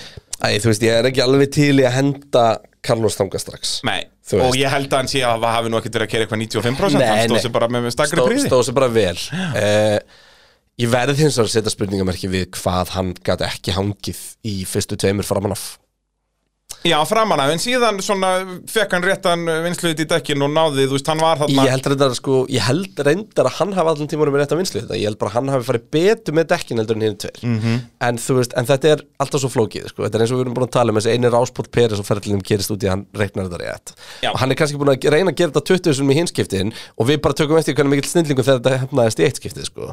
Nákvæmlega, En þarna þá allavega virðist Sainz hafa verið of lengi þá of passífur En ég held bara, Sainz er náttúrulega bara ekki jafn hraður ólega klerk á verðstappinu, ég held við séum bara að sjá það já, ég er 100% sammála um Þe- það Þeir eru með X plus faktorinn Já, Sainz er stórkostlegu kapasökumar en, en hann vantar þarna en þú veist, þetta er bara eins og þetta er bara eins og Bottas er búin að díla við Bottas, Bottas kom inn ekkert ólíkt Sainz hjá Mercedes 100% og er strax að hangi Hamilton og ná ráspólum og eitthvað svona dót Það er bara að hann en vantar bara, þetta það vantar eitthvað svo lítið Já. þú veist, en svo rosalega stort Já, ég meina þetta er það sem gerir mistara, skilur Það er þessi auka, auka 5% eða hvað á kallar þetta, þessi X-faktor, skilur En það sem ég fannst kannski best að sjá var að sjá að Leclerc bánsaði tilbaka eins og við um alltaf síðan gera og vera tvöfalt betri beintið til hann gerir mistök Já, og bara svolít helgi hjá honum en uh, þú veist, já, Red Bullin var hraðari ég vil meina að Verstappen sé betur ökumæður en Leclerc, þannig að- að Ég er sko Red Bullum að hraðar og samt sem áður lendaðir í, hann basically í verstamenn kerir ekkert fyrst einu sko já, já ég meina þar fóru tímatökundar í vaskin en, en já, keppnin svolít Já, ég meina verstamenn alltaf gerði bara mistök á tímatökurringinu sinum En ég meina, hann borgaði fyrir þetta allt saman og, og fekk öll stíðin sem hann skipti um máli hraðast að ringu allan pakkan Þannig að hérna, og bara, en þetta var líka eins erfitt og þetta gætt verið, skilur eins og segja, það er að taka fram á báðum ferrari Já og, og var undir pressu allan tíman Þetta var ekki auðveld keppni og í þessum hita að vera undir pressu allan tíman, hann gæti aldrei slaka á já, en svo náttúrulega öryggisbílinn í endan, skilur þar tíu, er tíu ringja þarna, þú veist, var komið með þetta 7,5 sekundu sem að hverfur, sko, þannig að bara glæsilegt uh, Bryndís spyr, getum við hans rætt uh, Ferrari versus Red Bull, hvað var það bílana Ferrari leitt vel út í byrjun tíumbils en Red Bull verðast vera ná sér eftir þessa vélabilanir, hvor bílinn er betri eins og staðan er núna Sko, ég, ég væri eiginlega til að henda þið frambræði að bílarnir séu jafngóðir. Ég held bara að Red Bull séu með yfirhöndina í skilning og dekkjunum akkur núna. Já, Þú veist, þeir eru, þú veist, í tímatökum það er ekkert á milli þeirra. Ekki neitt. Nei, og ef ég ætti að velja núna, þá er Red Bulli meira reisabúl. Þú veist, það er, þar liggur munurinn. En þetta er bara búið að vera dekkjamál. Þú veist, Algjörlega. upp á þessari keppni, það er bara, það er verðstamlega að kera bara óksla vel og kemst fram úr. Svo er þetta bara dekkjamál eftir það. Þú veist, ferriðin byrja að feita miklu hraðar heldur en Red Bullin. Þ- Þetta er samt svo fyndið eins og þú segir hvernig uh, þetta hefur verið samt svo mikið upp og nöður, þú veist, Ferraríin var langbestur í Ástralíu. Og Bara- langbestum með dekkin. Já, og bara, þetta var bara vandræðilegt hvað Red Bull voru lélegir, sko. Og síðan, uh, núna voru þeir svona Red Bullin aðeins betri en ekkert mikið. Í- Á ímóla var Red Bullin mikið Við betri. getum bara að skúpa þið í, út í þetta á við hér. Við erum báðir samanlega með Red Bull vera betri á Barcelona. Já, Fyrir, fyrir þessa helgi, þú veist, ég var búinn að ákveða eiginlega að setja ferri nummer eitt í spáturskefni á já, í Barcelona. í Barcelona en bara eftir ég meldi þessa helgi þá bara einhvern veginn allt sem að ég var búinn að gefa Ferrari sem aðstæður sem þeir voru betri í, er Red Bullum búin að svara Já. þú veist, heitt uh, dekkjalengdin hitastíð bara hvernig þetta einhvern veginn allt saman þróast þar þá er Red Bullum bara orðin betri Já. en ég held að, þú veist, ég held að séu svipa hraðir en akkurat núna er Red Bullum betri kapparspíl hins vegar á ég ekki vona öðru en að bæði lið komið uppfæslu í Barcelona Já, sem það að verður komast nánast gætu hrist öll. já og það verður að tala um sko, stórar uppfærslir og fylgtarliðum þannig að hérna, við gætum fengið einhvers svona stokkun því að það er, við erum það stutt inn í þessa nýju reglumendinga veist, þegar það kom tvík á bíluna í fyrra þá voru að tala um þúsundur hluta já. þú veist, Já, eða já. þá bara hann var aðeins stabíl á ákveðnum hraða og minkaði líkur á mistökum eða aðeins minna blistering eða eitthvað hérna getur liðfundi hálfa sekund og ringt með fæsli Já. Það, þessi bílar ennþá það ungir að það, Já. eins og segja, getur gjör breyst og það er alveg rétt að í Barcelona gæti gokkunaröðin allt í hennu farið í eitthvað allt aðra átt bara út af uppfæslum Já. og svo En náttúrulega Ég fíla og ég vona innilega að við fáum ekki rigningu eða eitthvað inn í Barcelona Þótt að mér þykir Barcelona sennilega leiðilegasta keppni ársins Já, en við viljum fá þennan núlput Já. Við viljum bara sjá Og nákvæmlega ég held að þessi gær geti bara gert hana að spennandi keppni sko. Já, já, alveg svona allavega áhorfanlega Já. en, hérna, en já, ég er einmitt svolítið sammálaðir þarna með að ég vil sjá Barcelona bara út að Barcelona er þessi svona standardbraut Já, og hún verður svo fullkomin test líka fyrir nýju bíluna Já, Þú veist, þetta er búið að vera snúsfest á síðustu árum Sem já er ekkert fel algjörlega. okkur á bakvið það sko. Þannig að þarna getum við séð, heyrðu, já, eru þetta, er þetta orðið betra? Já, þú veist, þetta var áhugavert í fyrra og því að voru algjörlega sikkur í strategíinni Hamilton og Verstapen og það var samt, þú veist, 15 ringir eftir því vissum alveg hvernig að mynda enda Jep.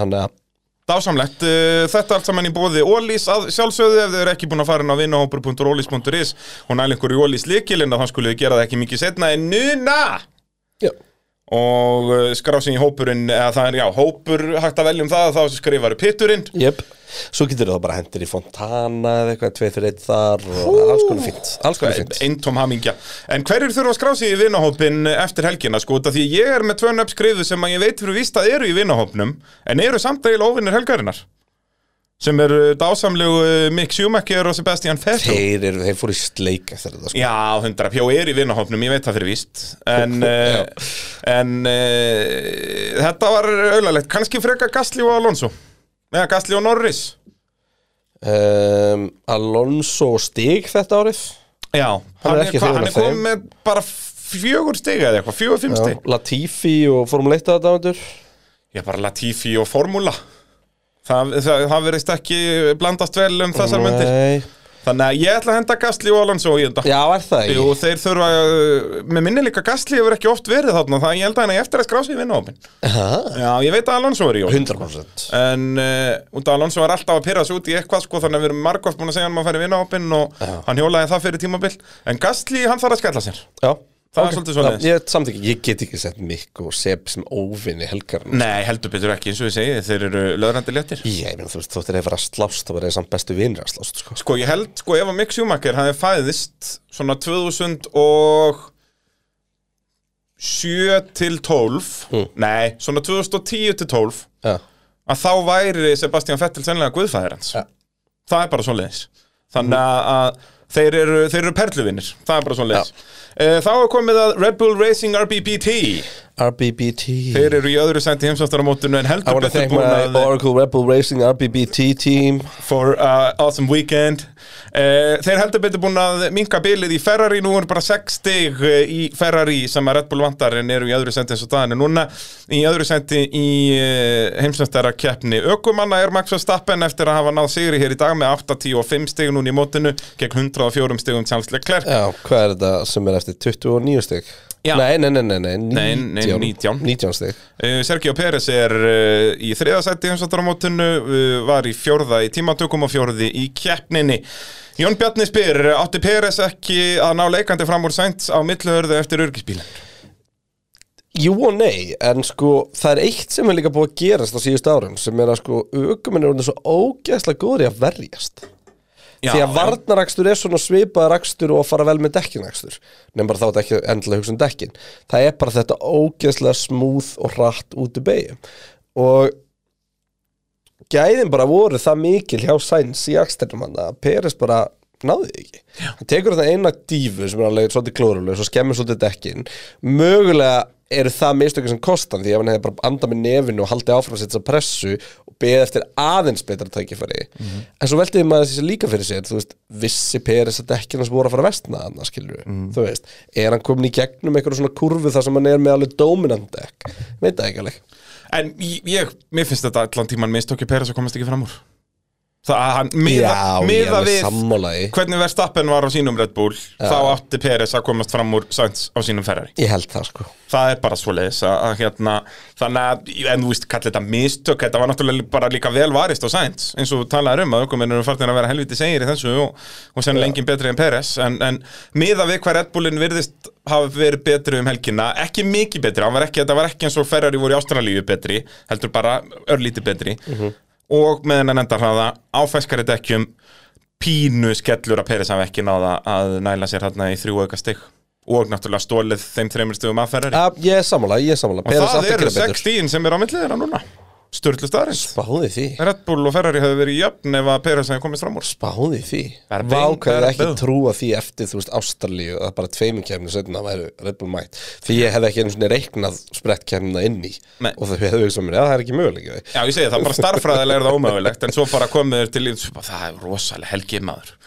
Rosalegt Uh, Gunnar eh, Guðbjart spyr hefði verið stappin unnið ef hann hefði ekki náð sent í startinu Góð spurning Já, ég hef vissulega góð spurning Ég held að hann hefði náði Miða við að hann var komin sko þegar örgisbílinn kemur út var hann 7,5 á undan og var búinn að halda því bili í, í marga ringi bara að Slít, manage Slít. Slítið ekki hann meira og elda Vissulega, hvað heldur þú? Ég held að hann hefði náð fyrsta sko Held það líka Það er, og þó hann En það hefði hefði verið ekki verið áhugavert satt sem maður Algjörlega, þó hann hefði ekki verið komin fram úrlega klærk fyrir örgisbíl, þá hefði örgisbílinn gert uh, það verkum En að verðstappin svo, já, jú, líka út af því að dekki fór að vestna svo mikið á leiklerk Verstafin er ekki að fara framörunum á þeim tíma sem var auðvöldast að fara framörunum sko. Nei Þannig að, jú, ég, ég ætla að vera samanlega Verstafin hefði unnið En hvenær hafði hann komist fram úr sænt? Bara strax á, þú veist, fyrir tíundarhingu Verstafin er bara svo miklu betri operator heldur en sænt sko. Hann Í- hefði í bara, í- vil to hann hefði vil, sko. bara getið hann sko. Ég hugsaði að það hefði verið þarna leikandi fyrir tíundar hring sko.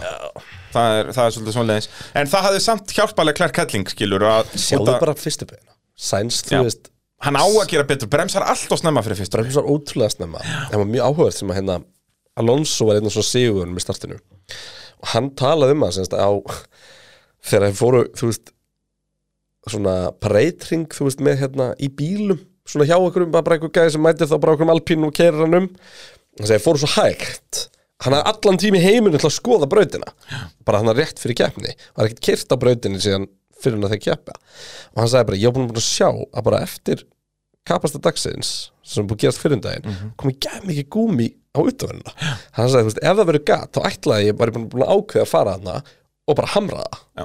og hann gerði það Og það og virkaði það er basically að saman gerist hjá Verstappen þú veist, Verstappen setur sig alveg í aðstöðu sem hann var líklu til að fara utanbröðar sko. Já. en fær allt gripið og Sainz gefur hann allt plássið Já, algjörlega, en Verstappen var ábygglega alveg undirbúin fyrir það að afturnendi myndi stíga út þarna En eins og þú segir, það var bara smekk fullt af gúmi þarna í malbygginu það og var nóga gripið sko. hann bara límtist um brautina Þannig að, að virkilega vel gert uh, og Solon Sainz hefði alveg getað hangið á sig líka hans lengur hann hefði alveg getað þjappa sér með honum inn í næstu byggju Já, skilurðu. Þú Sainz veist. átt að vera betur þarna, Já, bara það svoleiðis. er bara allir hrættir við Verstappen Já, þú veist, Sainz hefði ekki gefið þetta eftir á móti Fettel, skilur við Nei, það er vissulega góða punktur Þó hann ætti, þú veist, það hendar sent betur að, að klessa á verðstappin og þetta báður út, sko ekki ennþá, Ég hugsa- Sainz er ennþá reyna nálega klerk Já, ég veit að Benotto er í samtum með það Mm. Það er eins og bara bótt að gerði fyrir Wolfaran í Ungverjalandi fyrra það var náttúrulega mesta það er, það er eina fellan sem við höfum Já, séð í bara Formule 1 strike það bara tók alla sem skiptu máli út Jep, báða Red Bullana og bara eh, þvílík- þvílíka masterklassið sko. En já, Solon spyr eh, Max verðist vera komin í alvöru stand á geggjum bíl, erum við að fara inn í sjö, önnur sjö ár bara með einn heimsastara Það er náttúrulega ómögulegt að spá fyrir um það Ég segi nei við því bara vegna þess að það er svo ótrúlega selgjast í gegnum eh, 70 ára sögu sportsins Nei, já, mér finnst bara mjög áhugavert að við séum actually bara að minnast á þetta þegar Max er í öðru seti í hensumstarabaturu búin að vinna tvær keppnir í röð, skilur við Hann er búin að vinna allar keppni sem hann klárar og Já, já, en, en hann hefði aldrei unni ástralíu hefði aldrei vinni hann hefði aldrei unni bara einn hann var tæpur að vinna sáti þegar hann var pínu hefni Já, ég búin að hvað voru tveir hringir eftir þegar hann tekur fram úr? Já og þú veist, Peres átti að vera búin að leiða þá keppni og, og allt annað Þannig að þú veist ég, Nei, nei, ég hef líka bara, Red Bull er líka bara ekki nóg svo, eða svona steipul til þess að halda svona lungu rönni held ég sko Já, og þó, ég minna þeir gerði þetta þannig fjör ár með Fettel og svo var þetta, þeir voru alltaf steipul þriðja til annar besta liðið í gegnum allan Turbo Hybrid. Já, þriða til annar besta liðið Já, en þú veist, þeir, dutt, þeir áttu aldrei shitsjó ár. Nei, nei Þú veist, eins og Ferrari eru miklu meira, þú veist, ef að þetta væri spurningum með, eller klerka fara að vinna í þessu ár, bara ekki fræðilegur. Ferrari eru alltaf mikið upp á nöður til að það myndi ganga. Red Ef, Bull, ef, ef, ef, ef, ef, Red hefði Bull meira spurt mig, steipul. ef þú hefði spurt mig fyrir þremur árum til dæmis eins og með Ferrari -hmm. Mhm. að þeir myndu koma best út af reglubreitingum mæta bestir í fyrstu keppni ég er bara hleyið þér Samt ekki. fyrir, þremur árum Já, það er árið 2019, þá eru bara tvö ár síðan að Ferrari okay, fyrir, gerur nákvæmlega fyrir það saman. tveimur árum Nei, 2017 og þá komist þér upp að hlið Mercedes í reglubreitingum, nýttu Já, sér eitthvað reglubreitingum hlið kannski Já, en náðu að bæta sig í jú, jú, jú, reglubreytingum. Já, það er eftir, það er eftir, Já, ég þú köpið veist. það en, en já, vissulega, ég hafði kannski frekar trú á McLaren eða eitthvað en það var akkur að döfu Ég hef alltaf bara að trúa Mercedes eða Red Bull sko frekar en Ferrari, það er alveg góða punktur en uh, já, ég, þú veist, eins og segir Red Bull eru tildulega steipulið fyrir mér en, en svo náttúrulega koma vélabreitingar hann 2026 eða 5 Já, já, en þú Þannig að- veist, akkurat núna þá bara Ég held bara líka að þessi nútíma formúla muni þjappa hópnum mjög hratt Ég, ég veist að muni hraðar fá, og, og hópurinn Og kollkappið, er lúmst náttúrulega. þjættur eða pælir í því sko Já, það eru bara þessi tvö efstu sem eru langbest Já. og svo er þó hópurinn þar fyrir aftan nokkuð þéttur ég meina þú veist, það er vonlaust fyrir okkur að spá fyrir aftan sjötta sætti í þessi spáturskipni já, Það er bara, það er bara nákvæmlega, þú veist, Albon var níundum helgina sko, já, á lélægasta bílnum komin á það eftir Það er nákvæmlega það sem við munum gera En fyrst ætlum við að tala um Mercedes Þeir eru í þriðasætti í heimsvættaramótinu í algjöru einskjensmannslandi þar Eru með 95 stig meðan að topparnir eru þarna með 150, 170 uh, Já, 150, 160 Og uh, já, í fjórðasætti eru McLaren með 46 Þannig að já, Mercedes með 95 stig hérna alveg einir á báti uh, Sir Lewis Hamilton uh, ræsti sjötti á eftir Bottas Endar sjötti á undan Bottas en á eftir liðsfélaganum George Russell Ef það er vinnur bara sig þú, upp þú úr klikkaði þannig Hann byrjar sjötti Mhm. Endar sjötti Og er komin í sjötta sæti í heimsmyndarmöndinu Boom, Með Mhm. hann er 30 og hvað 36 stig. stig Þetta er, uh, hann er óður í Er, er, er, sex þetta- er þetta eitthvað tilhjulin eftir fréttinnar með vinkurnar sem að labba út af barnum á þriðan? Ég segi bara Nákvæmlega, sko, svona, nei, ég ætla ekki, ég ætla ekki að gefa neitt í skýrinda Sex, sex, sex, sex En djúvillar þetta vel gert til George Russell Heldur betur vinnur sig úr 12. sæti upp í það 5. og er í 4. sæti eða heldur 4. sæti í heimsvættaramótinu með 59 stig Já, Uh, Anton Bjarni spyr eh, Er það tilviljun að Lewis sé alltaf óhöfnari með liðsákvarðanir? Uh, Já. fyrsta lagi er þetta ekki beint liðsákvarðanir Þetta er enjú, hann Nei, er uh, þetta er bara hvernig þetta þróast og, og þarna var bara Ég er þetta veltið fyrir mér akkur honum var ekki hent inn bara líka sko í track position var alveg mikilvægt sko Já, en hann var ekki með drafposession á neitt Hann var bara elda bóttas Já, það er rétt Ég þess þannig, ég fatt ekki alveg Nei, hvernig hann en fór ekki hafði, byrð hafði hann ekki tapað sæti? Þá til Russell Já, já, já, en hafði hann ekki tapað hver var fyrir aftan hann Já, þarna? en herru, já, við vorum að tala um áðan með Leclerc Af hverju hann fór ekki inn, hann átti ekki nýja ganga millurinn eitthvað líka já það, Mm. var er er, líka er- spilið aðal ákvörðunin Og ég er ekki eins og viss hvort að Hamilton hafi átt að heldur En, uh, sem sagt, jú, þetta er náttúrulega búið að vera ævintýrlega óheppilegt með Hamilton, þú veist, það var Sáti, í Sáti var hann að gera sama gambul og Russell gerði núna, nema þá gekk það ekki upp, Mhm. Russell var núna á gamblinu eftir að hafa skitað á sig í tímatökum eins og Hamilton gerði í tímatökunum í Og það Sáti gekk upp og þá bara fullkomlega. gekk það full, bara akkurat þegar hann þurfti að fá yfir ekki spíl. En ég er satt veltið alveg fyrir mér sko í ljósi þess af hverju þið svissuðu þeim ekki aftur undir restina sko Þú veist, Já. En það er bara skil, nei, ég minna Russell er sá sem er frúan Já, ég held að það sé, En allavega, þú veist, ég held að það sé ekkit að lesa, það er ekkit að lesa úr þessu Anton Bjarni nema bara að þetta var bara óöfni í honum En, en mér finnst Russell núna vera komin með yfirhöndina í slagnum í liðinu, þú veist, f- f- fyrir þennan kappakstur eða allavega fyrir ímóla þá hafði ég alltaf sagt sko, nei Hamilton er ennþá betri en hann er búin að vera að geða þetta óheppin en Russell núna, hann er yfirleitt alltaf á undan í öllum uh, Meina, æfingum Russell gerði það sem að Hamilton hefur ekki verið að takast En við slum ekki gleyma því að Russell fellur aftur og þeir er það út í að tveggjastoppa áallin þannig að móti einstopps áallin sem er að hjálpa honum Þú veist, hann tekur einstopps áallin og móti allir tveggjastoppa-görunum og, og stoppar í fær frítt sko. öryggisbíl. pitstop Já, þú veist, þetta er bara eins með okkon skilur og hann endar áttundi þarna, það var ekki út af einhverju frábæru dræfi hjá honum Það var þetta mjög gott ræf hjá honum Já, ágætist dræf, en ég minna hann var bara heppin En hérna, en Mér langar bara aðeins að tala um helginni á Mercedes Því hún var rosalega skrítin Mjög skrítin, Russell náttúrulega toppar að næfingar tvö Já, og bara, bara honestly toppar þær Já, Þú veist. Jú, það var það engin, var það var hraði í engin, bílnum. það var engin vestapenn, skilur við Nei, nei En hann bara kerði ógeðslega vel í þessum afvikum og bílinn var bara að virka og allt virtist vera að virka mm -hmm. kom alltaf með hennar nýja afturvæng og uppfæran framvæng og bara virtist bara verið í draumalandi bara, herru, bara Mercedes eru bara að fara að hérna, svo sem átti ekki vona að ég myndi fara að vinna kemna en ég átti vona að ég væri bara að fara að challengea þú veist kannski challengea Peres og Sainz Nei, það gerist ekki Svo sannlega ekki og, og þessa tímatöku bara, það er ótrúlega bara, þú veist gripi jókst í brautinni, hún var hraðari og þá bara allir urður hröðbeðina það hraðar að það var bara vonlust að kera. Þeir voru reynda búin að vera sem sagt, sko, það sem gerist í þriðju æfingunum Já, er að, ásins að lögða þetta smotni já, að það lækkaði báða bílina svolítið meira og verða bara svolítið gráðuðir eins og við listu í bara Mhm. Já, já. þú veist, að reyna Þá að sjá sáum hvert við þið geta líka farið skoppið alveg svakalega. Já, fara bara, herru, ekkert mál, við fyrir bara í uppstillingunum sem Russell var í, í FP2 Já. og það gerist ekki neitt Nei. bílinn var bara jafn Ég, þeir bara, þeir skilja ekki hennan bíl Nei. Það er bara málið, að þeir bara eh, eru í skýtnum og, og náttúrulega pressan á þeim að vera í fyrsta sæti er svakaleg þannig að þess vegna er þetta svona mikið upp og niður út af því að En- þeir verða að þú veist, flest öllur önnur, önnurlið sem væri í þessari stöðu væri bara, heyrðu, við erum að gera ágætis mót en ætlum svona að reyna að bæta okkur aðeins Messetes verða að gera eitthvað drakti- drastíst í hverju einasta sessjóni Já, og næsta ah, keppnishelgi er náttúrulega rosalega stór fyrir þau því að það sem að er merkjöld er að þetta er eina brautin sem þau að data frá bílunum áður en setja sérapods á Já, Mhm. Því þá að þeir voru þeir með keyra- venjulegar hliðar Já, og þar var ekki þetta vesen Nei, þú veist, bílinni var alveg að hossast en bara eins og Ferrari já, og Red bara Bull eins og og allir allir aðrir, já, já en þannig að um, he- næst, um þess um, á Barcelona helginni trúi ég ekki öðru en að það komi ákvörun um hvort þau eru haldið áfram minna bíla ekki og það er bara endalega ákvörun Já, og þá líka kemur ákvörðin frá uh, brallanum um hvort það er fara upp á snaga eða ekki. Ég held að ég muni hengja þá alla saman.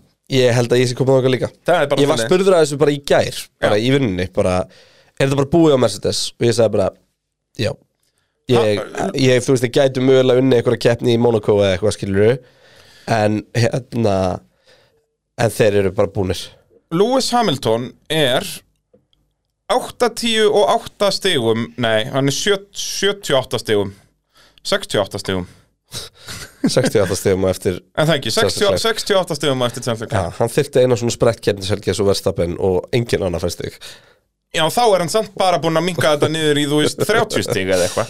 Þannig að, að, sem sagt, já, það að hans fara að berjast um einhver titil er, er Það er búið, það er búið. það er bara búið, Og- bara því miður Fyrir hann í rauninni eina núna er bara ef að Mercedes ver- rífa sig eitthvað í ganga þá verður Hamilton að halda metunni sín og að vinna keppni öll tímabil Já, já, og reyna að vinna Russell og það er náttúrulega bara, það er eina verkefni hans núna, það er bara að vinna Já. Russell að rífa sig í gang þar og fara að berjast um 5. seti heimsveitarmóturinu það er eh, ansi magnað en eh, já, Mercedes eru komnir á, á snagan held ég, eru langleðinu, ég byrjar að lappa með þá og svo mun, ég- mun, mun snúran fara utanum þá eh, eftir Barcelona, það er staðfest, galfest og þinglýst stefnir allt í þetta allavega Já, þetta er allt saman í bóði bóðleiðar ef ykkur vantar eh, einhverja tekniþjónustu með sínkerfi og net eða, eða bókaldsþjónustu eða bókaldskerfi fyrir ykkar business eða, eða hvað það er að þá hafið þið bara sambandi bóðleið, þetta er ekki flókið mál og voru þeir ekki að flytja félagar okkur í bóðleið, eru þeir ekki komin í Kópavogi núna?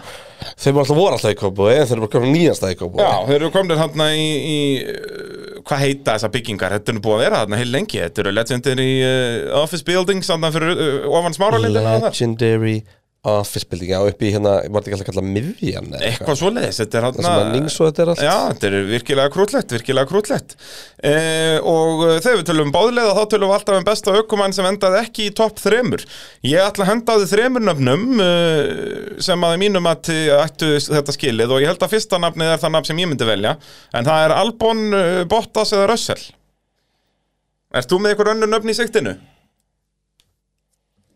Ég held að þetta verða að vera Albon komast Já. upp í nýjönda sæti á þessum Williams Já, Ná meðan alveg Tifi er Russell sko gerði þetta helviti vel sko Hann gerði, já en það var miklu meira hefni sko Ef þið öryggisbílinn ekki komið að hann endað hvar Sko, já, áttundi Ég er alveg sammála því, en Það er hefnið sem að hann bjó samt sem á er til Hann kom sér rétt í staðina En ég ætla samt Þú veist, album var líka heppin Þú veist, hann var refsingu, hann hérna Alonso Alonso Já, og, og já. Dani Ricardo líka skilur við, En eftir eins keppni og bara En þá bara okkon Ég menn hann ræsti 20 og endar áttundi Á- En með sömu hefni og rönsel já, Ég ætla að henda Albon í þetta já, ég til í það En það ekki já, ég til í það Þa, þakka þér, þakka þér. Þá ætlum við að tala um McLaren sem er í fjórðasendi heimsvestaramótinu. Landon Norris eh, náði já, upp í loka hluta tímatakana, ræsti áttundi en kláraði ekki keppni og er því fallið niður í sjönda sætið með 35 stig. Eh, Daniel Ricardo eh, ræsti fjórtándi, endaði þrettándi og eh, já, það er engin stig til McLaren en samt, samt haldaðir fjórðasettinu. já, þetta var meiri skýta helgin hjá McLaren eins og stemmingin virkaði góð hjá þeim Já, Þú veist, við vorum alveg, við vorum bara að tala um það Það var geggjur stemmingi við lifum Já, þeir voru í bjánalegum, bjánalegum bólum með James Corden og ég Já, veit ekki hvað og hvað. váka voru í bjánalegum bólum Já, þetta er fasjón, maður. Nei Jú, jú, fasjón. Og uh, þú veist, hjálmandi geggjaðir og Eh, Ó, Þetta geti verið eitt flottasti vonarfjálmur sem ég hef Ja, séð. 100% Landon Norris, my man! 100% Ó, Það var Körfu- eitthvað eftir að hendi þetta í Katar núna næst heima öllu fótboltans já, heimaður til fótboltans. Já, það er svo. Henda, henda í einn eh, fó, fótboltahjálm. Hérna, Nei, en hérna- En já, bara agalega helgi og þarna þeir voru bara í svipuðu formið þarna og bara í, í bara einu. Já, og svo Dani Ricardo var mjög fyndið sko, hann vissi ekki einu sinni eftir keppna af hverju hann fekk refsingu Nei. og var ekkert að pæla yfir til hann átti þess ekki á því að það var stig sem hann voru að missa fyrst að Alonso fekk líka refsingu já, hvernig hérna... Ég veit ekki Hva- ennþá fyrir hvað hann fekk refsingu, hann ekki Var, spyrja mig var það ekki það, Það var corn- sama? corner cutting eitthvað sko Já, já, hann fer út fyrir braut þarna ætla hann hafi ekki Það var sleppt bara einhver 15. zero beginni. tolerance að það sko Það enda er 15. beðan þannig, þú veist, þeir eiga að henda upp sausagekörp eða malagrifju eða einhverjum djöflinum annars og fólk getur ekki gert Já. þetta Mér finnst alltaf leiðilegt að það er eitthvað svona kemur upp að þurfa að refsa mönnum Set- Braut, set- Brautin á að refsa mönnum En ef þið myndu setja sundlu með hafum með þeim þar Nákvæmlega, Það var í geðvikt henda þeir myndu bara fara hún í sundleg Það var geðvitt Eða eitthvað svona gerfi sjó Já, henda löflegt um gerfisjó þarna sem væri svona geðvitt röf Já. Gerfisjó með öldum Já. Þannig að þeir myndu svona og allt, allt botnin myndi brotna Uh, Birgitta Lind spyr eh, hvernig haldið að McLaren verði næstu keppnir er Ricardo að fara að hætta eftir þetta tímabil hvað haldið þið? Hérna, ég get ekki svarað þessu því að það er ekki búið að make any sense hvar maklarinn er góður og hvar ekki Með það var líka önnur spurning hérna er verður McLaren svona jójólið í ár Já. og það er akkurat svo leis þetta fer allt eftir brautum og li- þau sögðu okkur þetta náttúrulega í Þetta fer Bahrein. held ég ekki einu svona eftir brautum Þetta fer eftir í hvernig þeir hitta bara á brautir Því að þú Já, veist, já. já. bílinn var, er búin að vera góður á bæði hröðum og hægubrautum Já. þetta er bara hvernig þeir ná að eh, Hann átt að stilla sökka á hann upp í- Imola Já, svo var Hann bara átt fínt að sökka, hann var fín Hann var betri en Mercedes það Landa var að pallið eða ekki Jú, og hérna fer frá veljónapallinu niður í DNF uh Mhm. hérna en já, það, McLaren sjálfur liði talað um það strax í bara einn að það held allir bara, heyrðu, þetta verður agalegt síðan fyrir McLaren og þau segðu bara nei, við erum bara líka leiðir á þessari braut já, hún var bara það- jafn mikið bókibraut og, og gæti hugsaðast En Já. hvað er það? Þú veist, Ég er ekkert búin að heyra, er það hitin, er það hraðin, er það Ég held að þetta sé svolítið eins og þú varst að segja þarna Þetta er þeir ná ekki að nýta þessa þrjú æfingasessjón í að negla í rétt setup að skilja bílinn í þeim aðstæðum sem er í gangi að hverju braut fyrir sig Gæti verið, sko En þetta er það sem ég elskaði formúli 1 að það er alltaf kengum mismunandi brautir og þetta er alltaf ný challenge fyrir, fyrir lið og ökum Algjörlega, og þá var margt á þessari braut sem var alveg nýtt challenge Já, Þannig uh, að- tölum aðeins um þennan uh, þessa klessukyslu hjá Norris Þetta var helvíti blöðurlegt Já, þetta er bara 50-50 samt Þú veist, málið er Norris, að Gasly þetta er bara óþarfi hjá Já, en Norris Gasly er að glæta yfir til vinstri veit út af því að það, bíllinn er bilaður Og Norris er að glæta yfir til hægri en þú veist, út af því að brautin líkur til hægri sko. Já, þetta er, en þetta er, bara- þú veist, Norris átti bara að gefa honum meira pláss Já. hann átti bara að hafa aðeins meira awareness um sig bara þarna, sko. Gastli er uh, að Í fara ruglinu ógeðslega þarna. hægt í rauglinu, bara gefðu honum allt eins og plass gefa hann bara metar, skilur við það er samanlega skiptir ekki máli en Sammála. uh, Norris svo sem kannski ekki að missa miklu jú, jú, hann hefði endað hvað áttundi sennilega var hann á undan okkur 890, já, Já, Eitthvað þannig. eitthvað svoleiðis, nei, jú, var hann ekki undan okkur, ég man það ekki En, uh, já, uh, McLaren koma þá stigauðlösir frá þessari helgi uh, Eyjó Jónsson spyr, verður kannski McLaren fyrstir til að hoppa á Volkswagen-vagnin ef þeir komið var náttúrulega alveg umræða um að, um að Audi væri að reyna að kaupa sinni McLaren Já.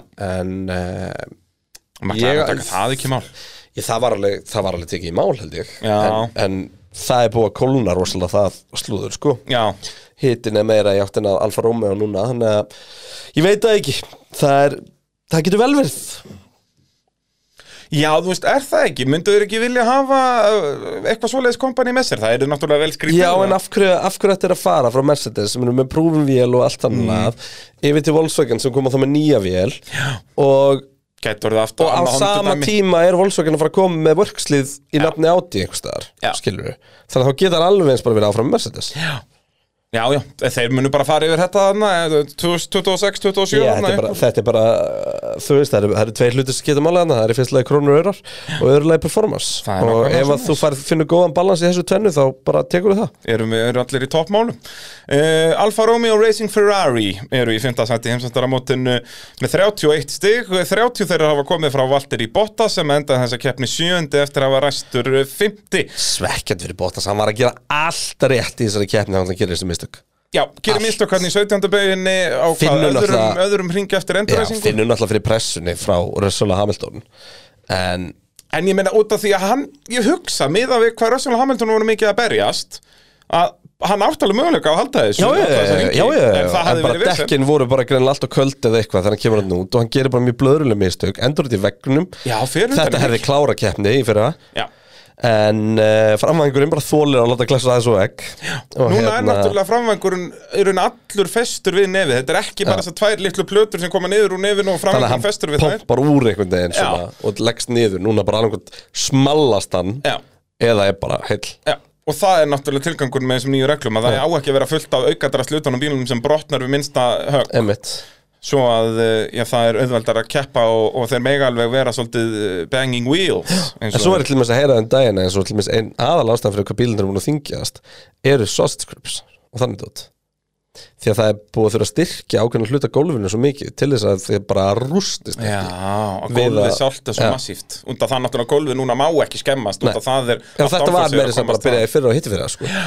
um, Þannig að það sé líka er unnur brautarasta sem gera það verkum hvað bílar eru stóru og þungir sko. að- Já, og þessast þessast sausage curbs eru þessir kantar sem eru svona ekki Pilsukantar Pylsukantar. Pilsukantar sem eru, þetta eru pilsukantar Pilsukantar Þetta og hérna eru pullunar, þetta eru gulu pullunar Já, sem eru svona Þetta er mjög í iconic á chicanum Monza. og dót- Já, þetta er ekki þess að kantarnir sem eru hliðan á brautinu Nei, þetta er heldur ekki svona fyrir- Apexið Akkurat, akkurat uh, Og já, Conny Joe þarna klárar ekki keppni Já, Vi- fyrsta vitum svona við- virkilega skýta helgarhörnum Nei, þetta var bara eitthvað bilun Já, þetta var náttúrulega ekkert honum að kenna Nei, en, náttúrulega lendir í því því Já, það var, mannst ekki Hann var að geggja um ring og svo lendir hann í Hann bara eitthvað massu Það fekk engir af sig út af því Þeir voru fjórir saman bara ef hann hefði reynt þetta það hefði verið stærsta krass Það bara sem, eða hefði, það sem böggaði mig eins og er ef þetta hefði verið þú veist Vestapen eða Leclerc eða Hamilton það hefði þetta alltaf verið huge stíl sko. yep.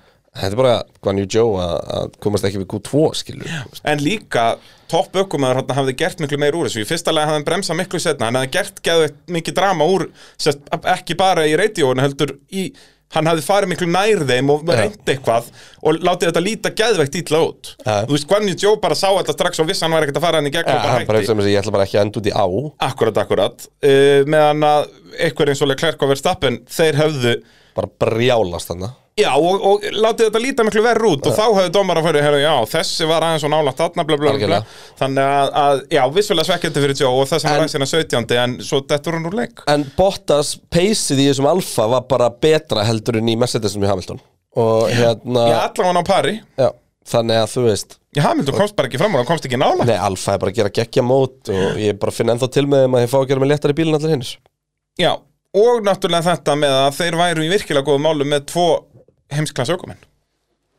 Já, en þetta lið var aldrei að fara með tvo heimsklasökuminn Nei, nei, en, en þú veist, það bara gaman að sjá þarna hvað ökumarinn skiptir miklu máli Ja. Við sjáum þetta í Williams Algjörlega. líka skilur að þó að þetta séu þarna 20 bestu ökuminn í heimi að þá er samt helviti mikill munur á þeim Ah, Algjörlega Að- Þannig að, eh, já, Alfa Romeo ger allt rétt í fimmta sætinu og eh, já, er, voru að græða stig á Alpín núna sem að er ansið magnað eh, Alpín ég spáði þeim nú eh, á undan maklarinn hugsanlega undir Eh, loktímambils spurning hvernig það fer, þeir voru allan að græða stig á maklarinn núna Fernando Alonso eh, endaði þó 11 eftir að hafa ræst 11 Eh, Dottin er í 16. sæti er ennþá bara með tvö stig í heimsvartarmótinu því að já, 24 af þeim 26 stigum sem liðir er með eh, hafa komið frá Esteban Okkon sem endaði áttundi þrátt fyrir að hafa ekki tekið þátt í tímatökum og er því í nýjunda sæti í Á heimsvartarmótinu nýsmíðum bíl á nýsmiðum bíl, eh, rústaði bílnum eigum ekki bara að byrja á að tala svolítið um þetta Jón Ægir spyr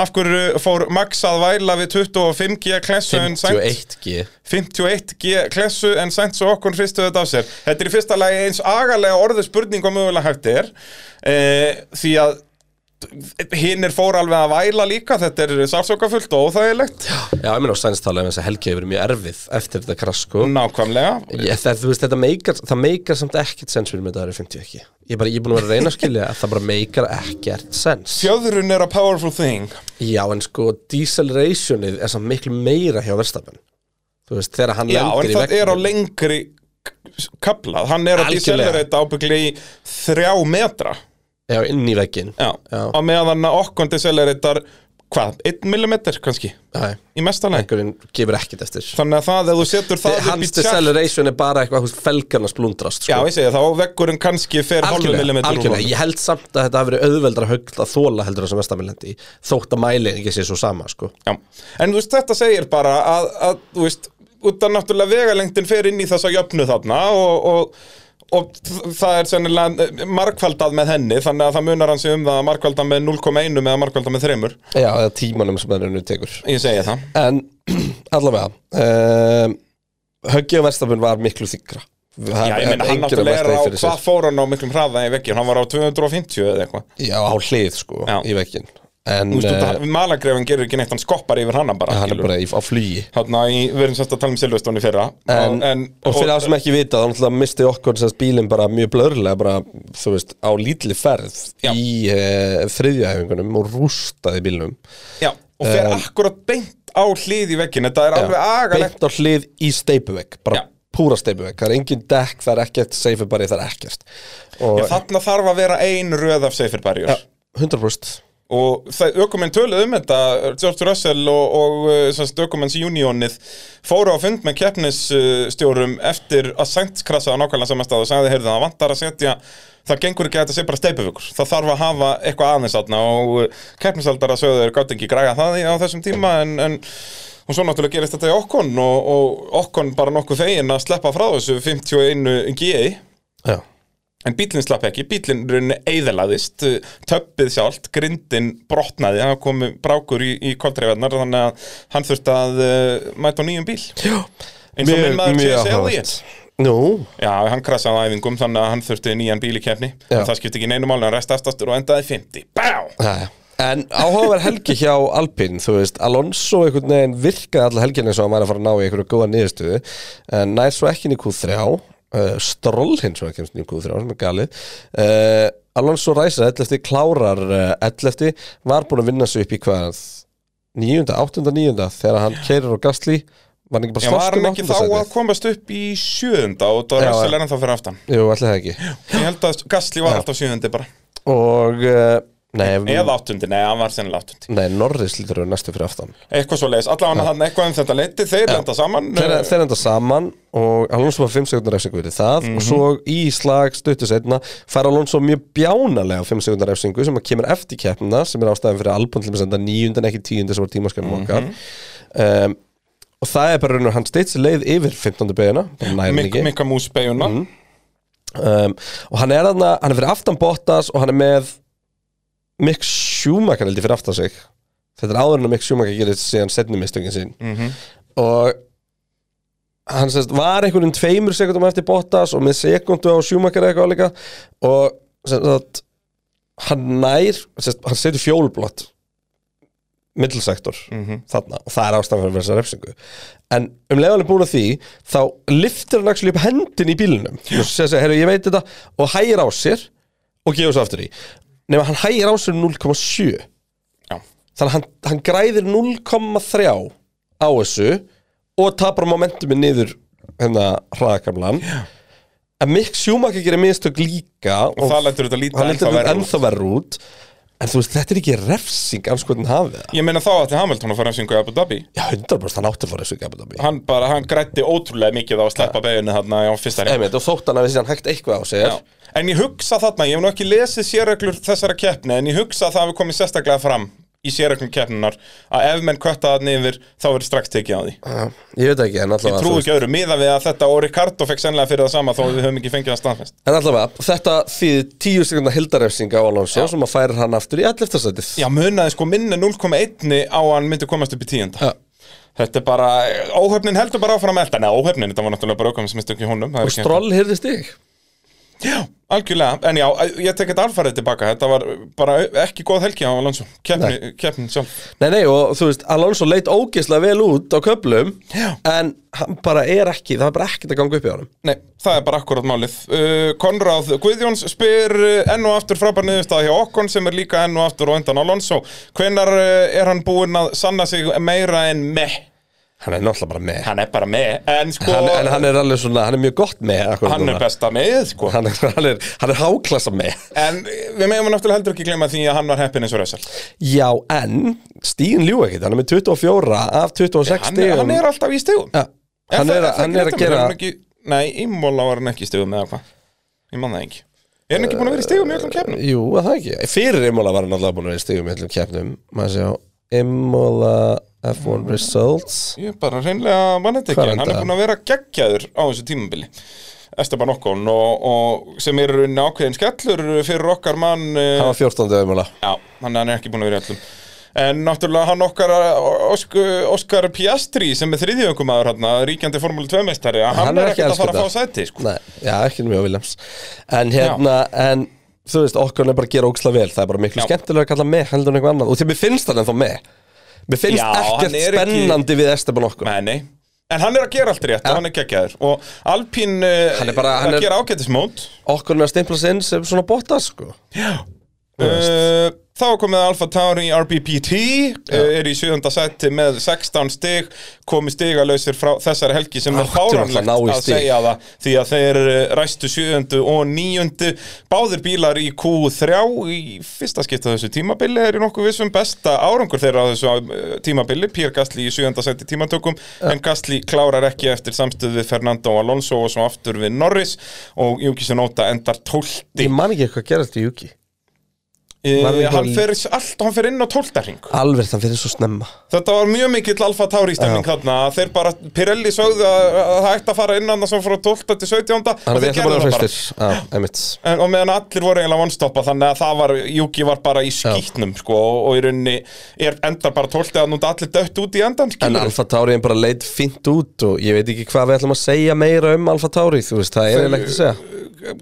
Gastli náttúrulega óheppin og ríkali keppnisáallin hjá svo nota sem að fokkaði þeim upp Já. Þeir hefðu leikandi verið þarna bara í 7. og 9. eins og þeir reistu Þeir voru að keira ágætlega en, en já, ekki mikið að frétta Nei og þú líka bara mátt ekki gera enn mistökju sem mittfildi, þá fellur þú bara hressilega aftur sko. Það er akkurat málið, það er mikill slagur hérna eins og við segjum með að út af William sinni meira sem mættur hérna og ég veit ekki hvað og hvað Eyjó spyr uh, hvað var að bílnum hjá Gastli, hann var ekkert að ge geta snúið stýrun og áður en óhappi varð Það var eitthvað, þetta Hann var voru ekki bara brotin, hann ónýtt var, hann var skemmt í, í afturfjörun Já, hann var að leita út um alla braut og náttúrulega dekkin líka slétt og nýtt Já. þannig að hann var bara eh, skrýðandi brautina þarna á þessum tíma það er bara nákvæmlega svoleiðis uh, Pitturinn í bóði, Viaplay, núna er allt í gangi á Viaplay, það er náttúrulega úsletaleikur mestaradeldarinnar 28. mæ eins og ég sagði aðan, Miami Vice komið stertinn uh, Sistrabönd sem ég horfði á um daginn, eh, geggjaði þetta eru núna með fullt af ettu veluna tilöfningum, þannig að til að staðfesta að þetta eru snilda þættir ég held að allar þrjár aðaleikonunar eru tilmynda til ettu veluna Já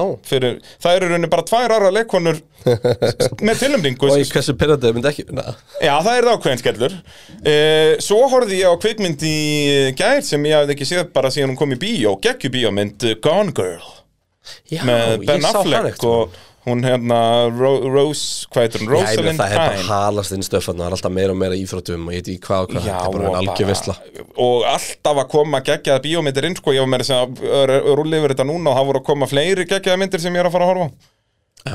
það er bara, þetta er, þetta er eintóm hæmingi og náttúrulega Miami Vice satt Þú eftir. hefur mikinn tíma þetta einhvers maður horfir bara á bíómyndir og heyrðu það var líka Two Bro Girls þáttasörunar að koma að inn, það er jóla Já, það var eitthvað sem ég gata ekki ég hef ekki, ekki séð það á Transformers náttúrulega, húi Þetta fyrsta eða?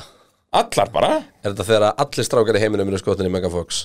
já, allir Þeir voru að vinna í húttinu húi það er bara, það er nákvæmlega svoleiðis og Anchorman er þarna og ég veit ekki hvað og hvað Neighbors myndirnar báðar, Ted myndirnar báðar Castaway Reservoir Dogs Við erum búin að ná þessu, við erum búin að ná Þetta er- ó, erum við búin að ná Ég ætla eða? ekki að missa brallan hérna inn í Við erum ennþá að tala um formúluna Ok, ok, ok Ég ég verð að koma mér á jörðin aftur uh, Haas Ferrari uh, er í 8. sæti koma stigalegs frá þessari helgi Kevin Magnussen uh, ræsir 16. Mick Schumacher ræsir á undan honum í 15. sætinu uh, Kevin Magnussen klárar ekki keppnina og Mick endar í 15. og síðasta þeirri sæti þeirra sem að löku keppni Þetta er uh, mikk Þetta er svo klassísku mikk Án betri en Kevin alla helgina Og eh, auðvitað klúraði þið þá Já Okkar allar besti Kitty Sveins eh, spyr getur mikið ekki bara skipt eh, eða tekið upp Eh, eftirnumafnu móðu sinnar uh, þannig verið skvíl ekkur Hann alltaf var mestari sem ég man ekki sko hann heitir en Nei.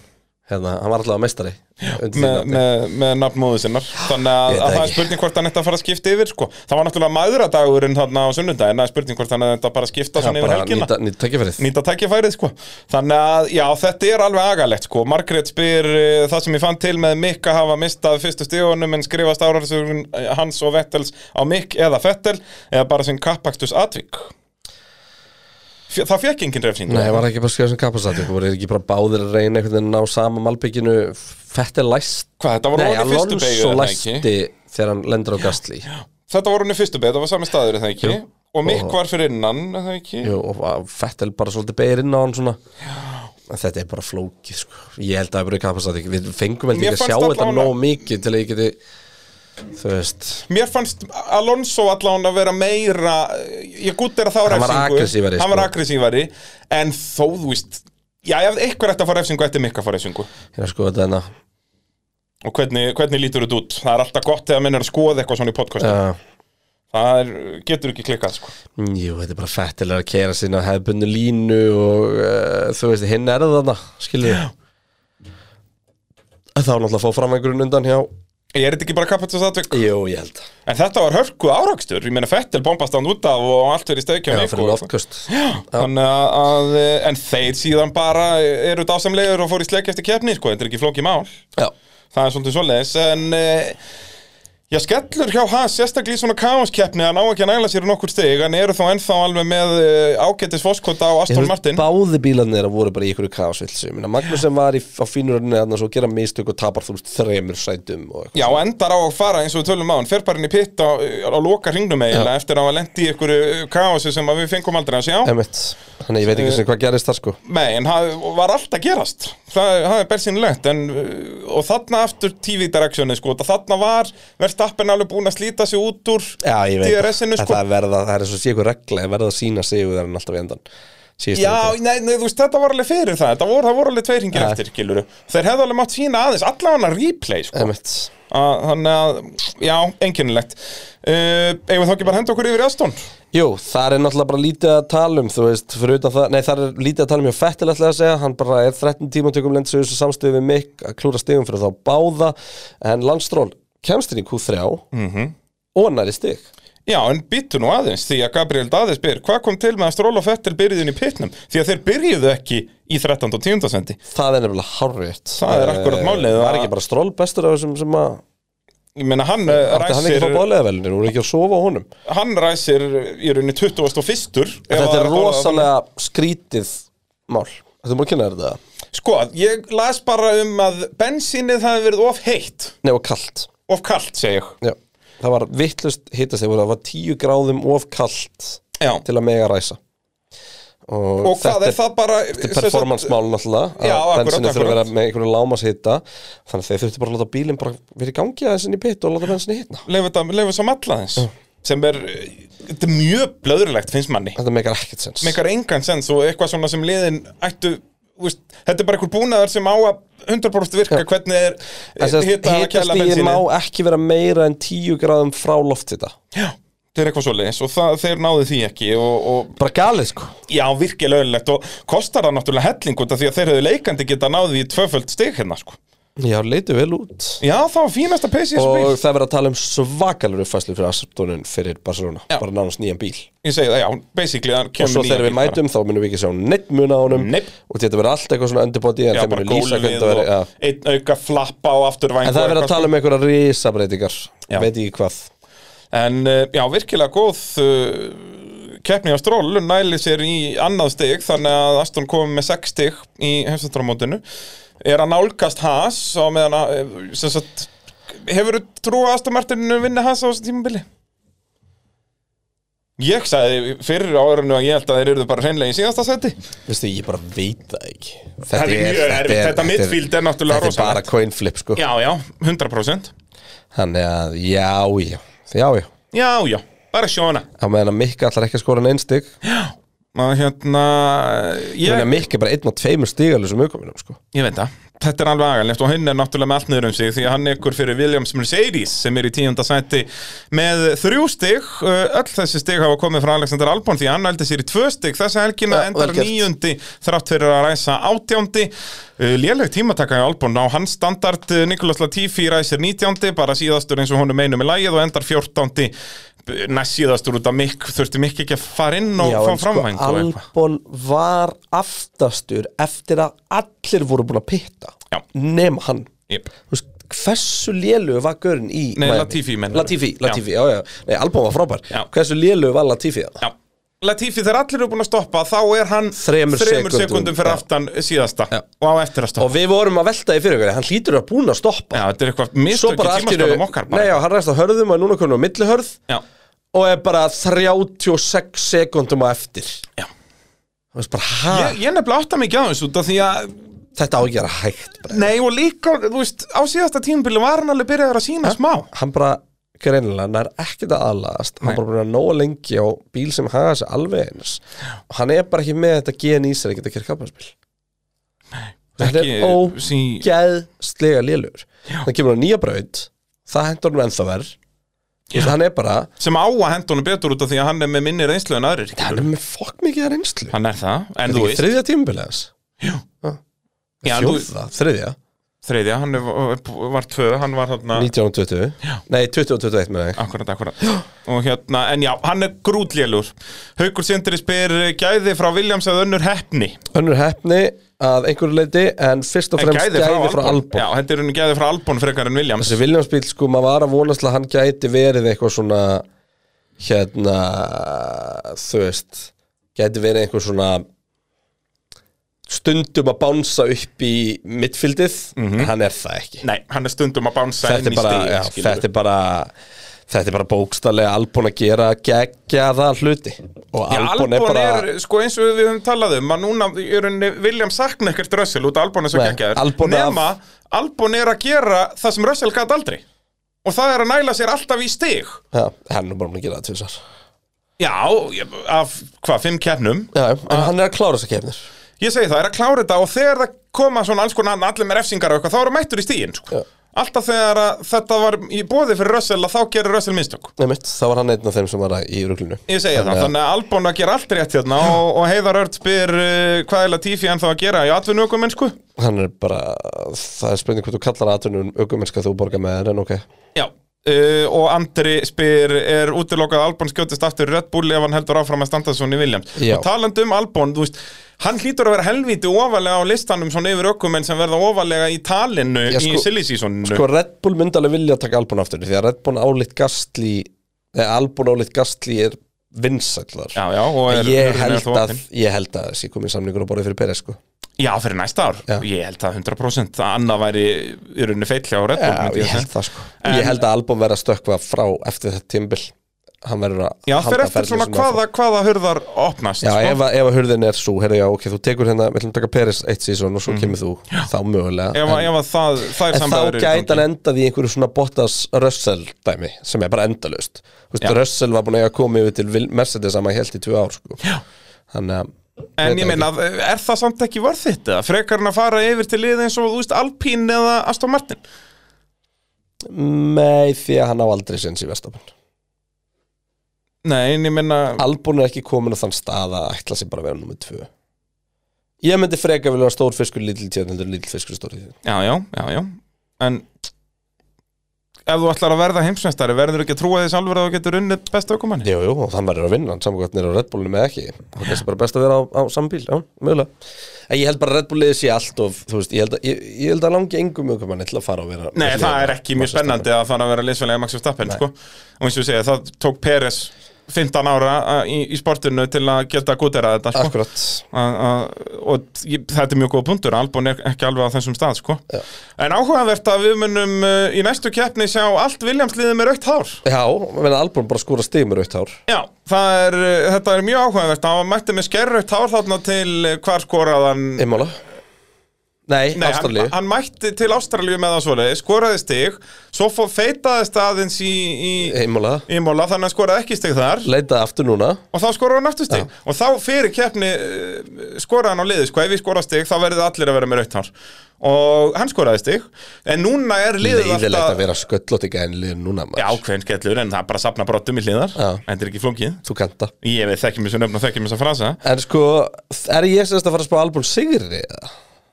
Í Barcelona Já, já, það Ef ekki allt liðið Ef er allir er með, skilur, ef hann æli sér í tvö stygg þegar hann er bara með það, þá hlýtur Þú veist að hann að- fyndi þessu Jost Capito því að hann verður að taka þátt í þessu því að hann reynir að vera svona hressikallin Já, en ég, ég held að verða enginn með þetta Þetta er, nú er allt liðið byrjað að nefn og þetta var eiginlega velunapallur út að þeir eru ekki til í þetta, sko Þannig að þetta verður mjög fyndið, bara Nei, ég ég vil að held að verði Albon bara eitthvað. takki hart á þessu, sko Já, ég, Það- þegar þú gerir þetta Það þeir verða hjá liðið þetta, sko Gerir ekki grein fyrir hvað þetta eru mikla fyllibitt sem vinnaðan í skúrnum sko Já, það er, þetta, þetta er dásamlegt, sko Og sérstaklega eins og, sko, mekkarnir sjálfur, sko að þeir eru bara, ég meina þeir eru, Út af- ef er- bíllinn er ekki að rönna þá eru þeir ekki að vinna Já.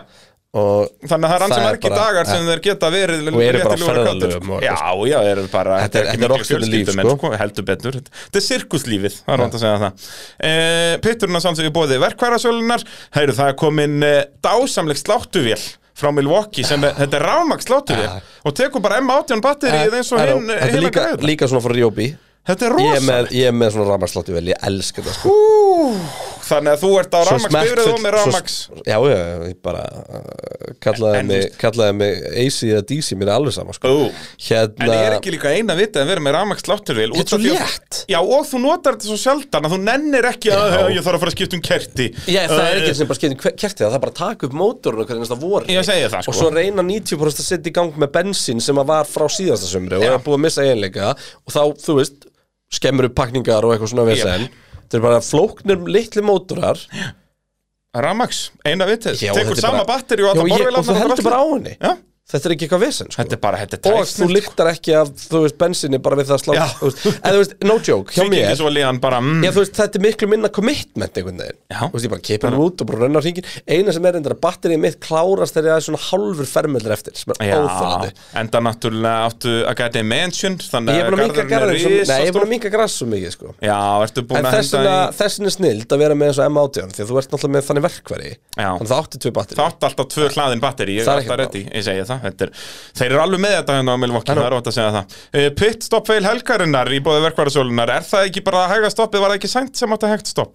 Það var nóg af hægum stopp Já, voru þó nokkur, eða það voru allavega tvö og þrjú Þú sem voru ferrar í allavega virkilega hæg. töpuðu einhverjum tæpum fjórum sekundum á Red Bull Nei, meira Það með sex sekundum á Red Bull Já, Sainz, já, Sainz var með skítastopp já, en þá var Peres búin að lendi í þessu aðna vélarvisinu, við glemdum að tala um það Já. Það var endar mögkvindið þegar hann er að segja liðinu bara nei Það bíll- er- bíll- Mótorinn virkar ekki og, og liðstjórinn hans bara Já, nei, nei, þú varst bara að missa, missa draftið og eitthvað Peres að tapa þremur sekundum og beinum kapla bara Hlustaðu á mig, mann djöfull, bíllinn er bilaður Já, nei, nei, nei, nei, nei, nei Herðu, jú, jú, ítt á hann að taka þarna Já, no shit Hann var, og Ég hef aldrei heyrt liðstjóra vera að sem sagt, segja anstæðan, en venjulega er það alltaf bara ok, we're looking into it þú veist, þarna var það bara, nei, nei, mótorinn er í lagi Gaur, ég er að tapa þremur sekund Þetta var mjög gott sko. Þetta var mjög einkennilegt uh, tímreiti og verið að Algjörlega segja. ónáttúrulega kostar hann að að geta ekki challenge að sæn sko Já, og hann hefði náð sætinu þegar ferður í stopp eh, þess að klúruði stoppin hans þannig að þetta,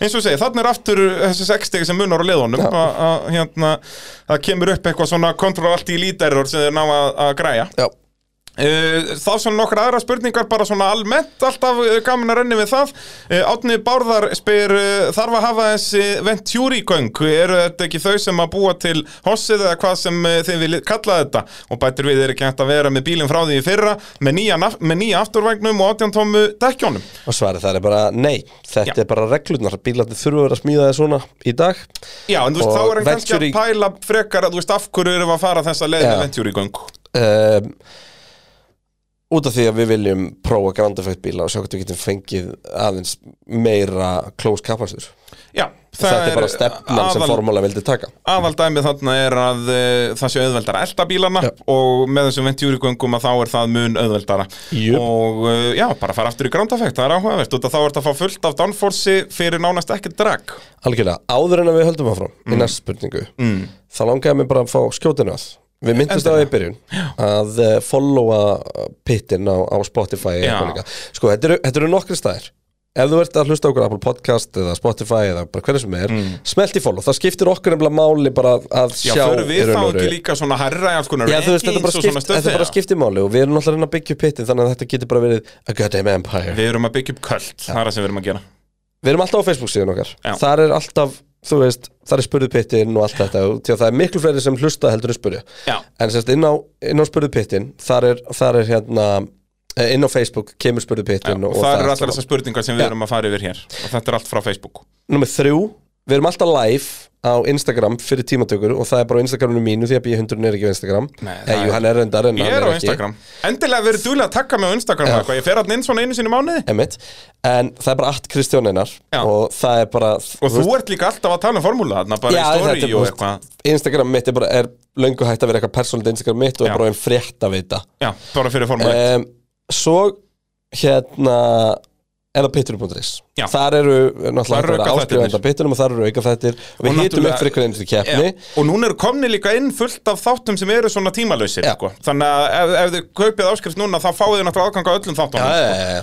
Og svo langar mig til að henda í sérstætt shoutout á uh, Aron á fréttablaðinu sem er Já. að gera virkilega gott móti á fjallinformúlun um og ég Okkar sá allra einmitt, besti. það var eitthvað á netun eitthvað, að loksins eitthvað íslensk umfjöllun og það var eitthvað link á MBL fréttablaði er bara með þetta covered sko. Já. það er bara fréttablaði.is, það er fullt af formúlu hérna, stöfi og alltaf fyrir keppni heila þá mæti ég til Bennabóas oftast Alveg með rétt. Aroni í fróttavíkuna Já. og við hitum upp fyrir keppnina þar þannig Nákvæmlega. að sérst á ringbrönd og fréttablaði.is þannig að það er það er nóg í þessu Ég heldur betur og, og, og bara hérna, gott, gott þökkum alla- sjátátt á, á bæði Benna og Aron og alla sem er að fjalla um þessa um formúluna og þá sérstaklega Aron sem bara búin að gera geggjamót sko. heldur betur og alveg í nokkur ár og eins og þú segir, þetta er alltaf eh, gott eh, sem sagt, fyrir helgar og síðan bara fréttir inn á milli og náttúrulega eftir keppnir og allt þetta sko. yep.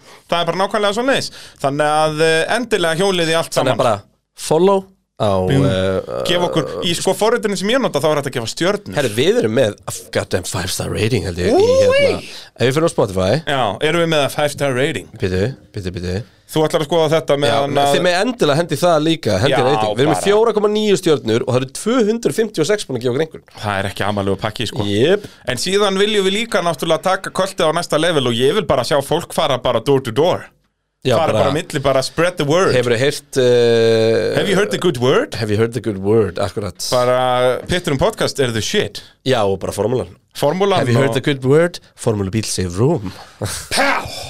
Það er, það er nákvæmlega svo leiðis Jep. og, og við viljum, já, já, bara fara alla leið í þessu Pass, the, 100%. pass the pod eins Pass og, the- eins og, Pass the pot eins og Peter Kraut segir sko. Ja.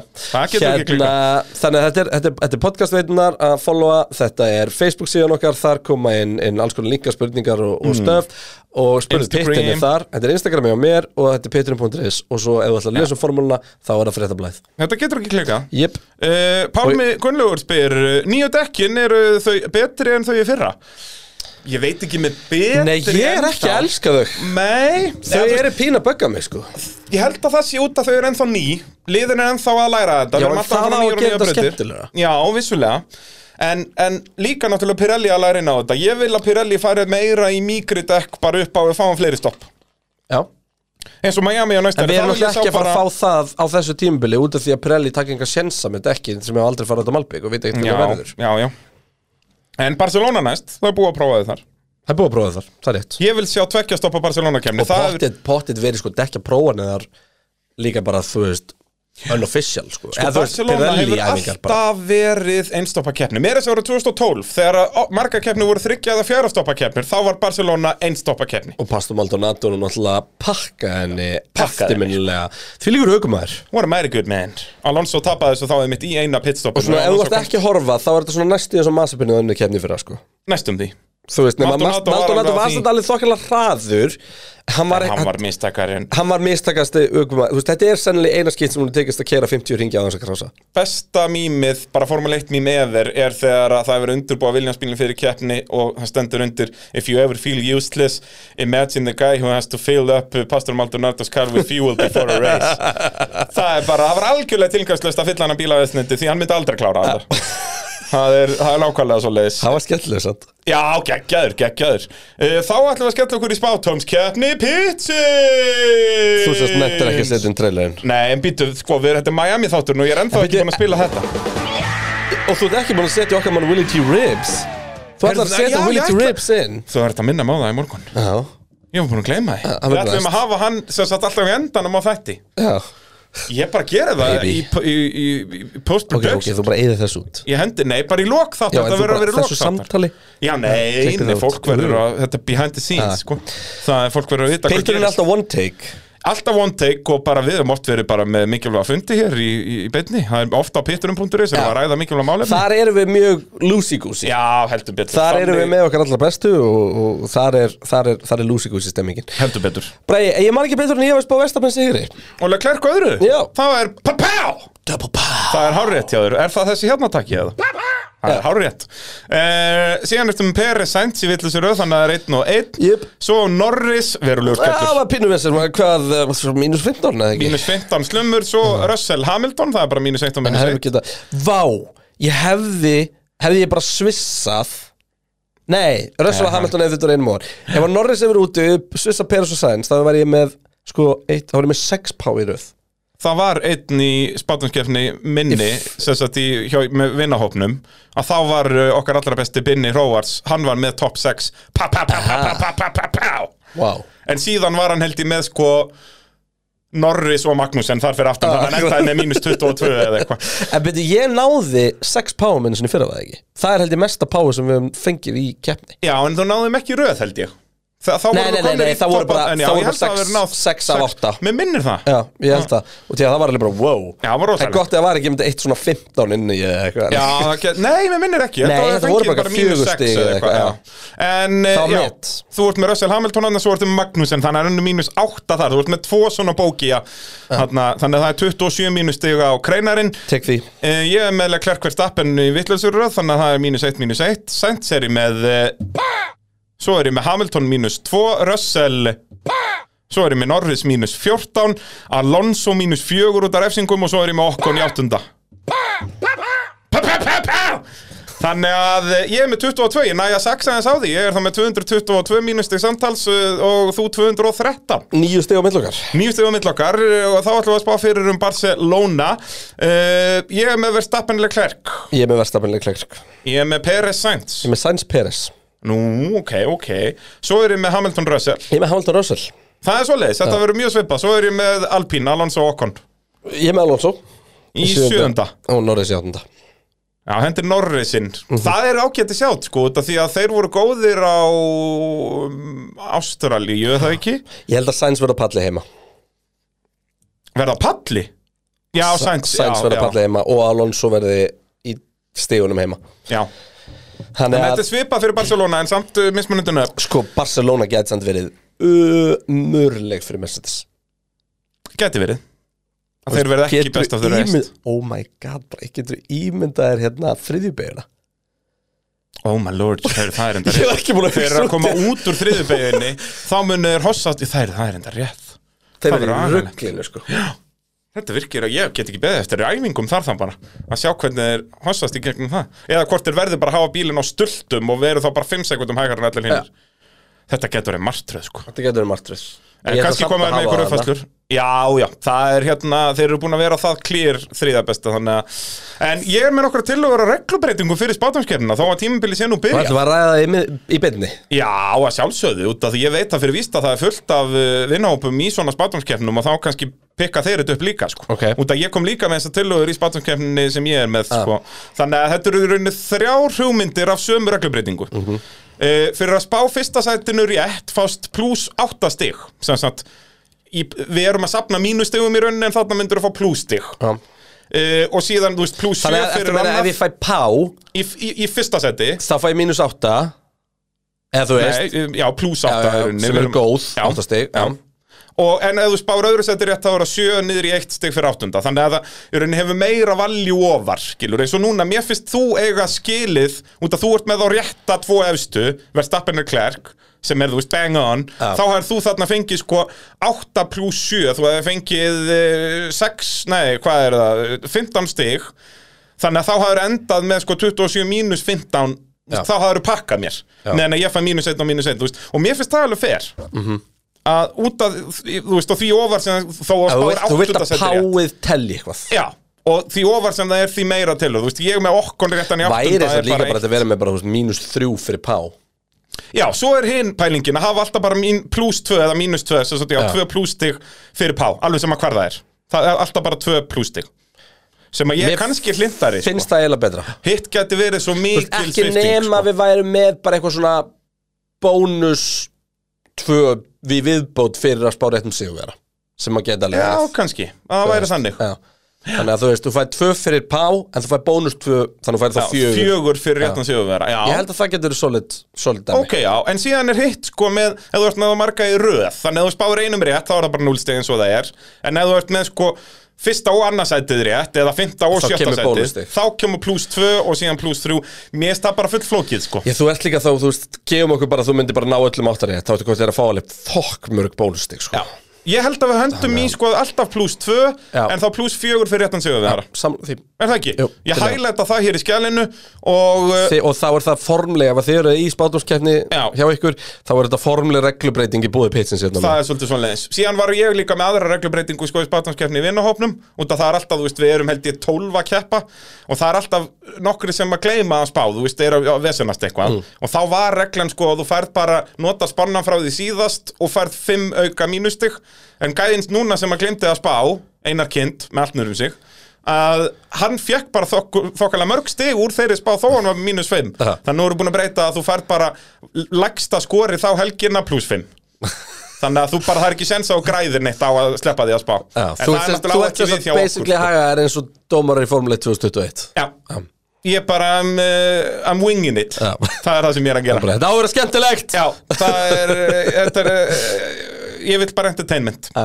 En þá eru, eru reglubreitingum uh, eru komnar í gegn hér í spátnarkefna Það eru stóra fréttir í pitnum Barcelona framöndan og svo náttúrulega bara Mónaco helgin eftir. Hvað er svo ekki bara Kanada? Er ég, að fara, er ég loksins að fara að fá Kanada? Er ég loksins að fara að fá Kanada? Montreal Það verður veistla Hvort er Latifi að fara að standa sig vel eða bomba á Wall of Champions?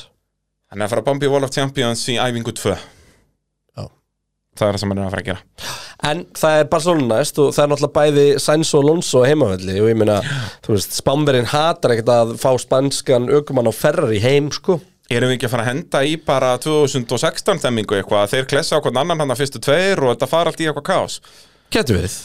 Þá var að, já, það, þetta kemur í ljós tvær vikur í það og þá fáum við doppel hettin eins og þú segir Mónokku strax eftir það þannig að það er allt að gerast Við verðum með einhverja skemmtilega auka þætti í næstu viku, það er ekki nokkur spurning Þannig að, já, skella Já, sér inn á pitrum.is og Ætlum við að gera græða næstu viku, erum við ekki að gera það til þessari viku? eða? Jú, ætlum við ekki að henda inn á pitrum.is núna á Gerum einnig þessari viku? Petrin.is núna Já. og svo hitum við náttúrulega upp fyrir Barcelona og Petrin.is. Já, í næstu viku og, þannig að og svo það jafnvel að hendin einum eh, á Spotify, kemur í ljós hvort við finnum eitthvað að tala um Já, Bara bing, bara boom sjúklega til í þetta.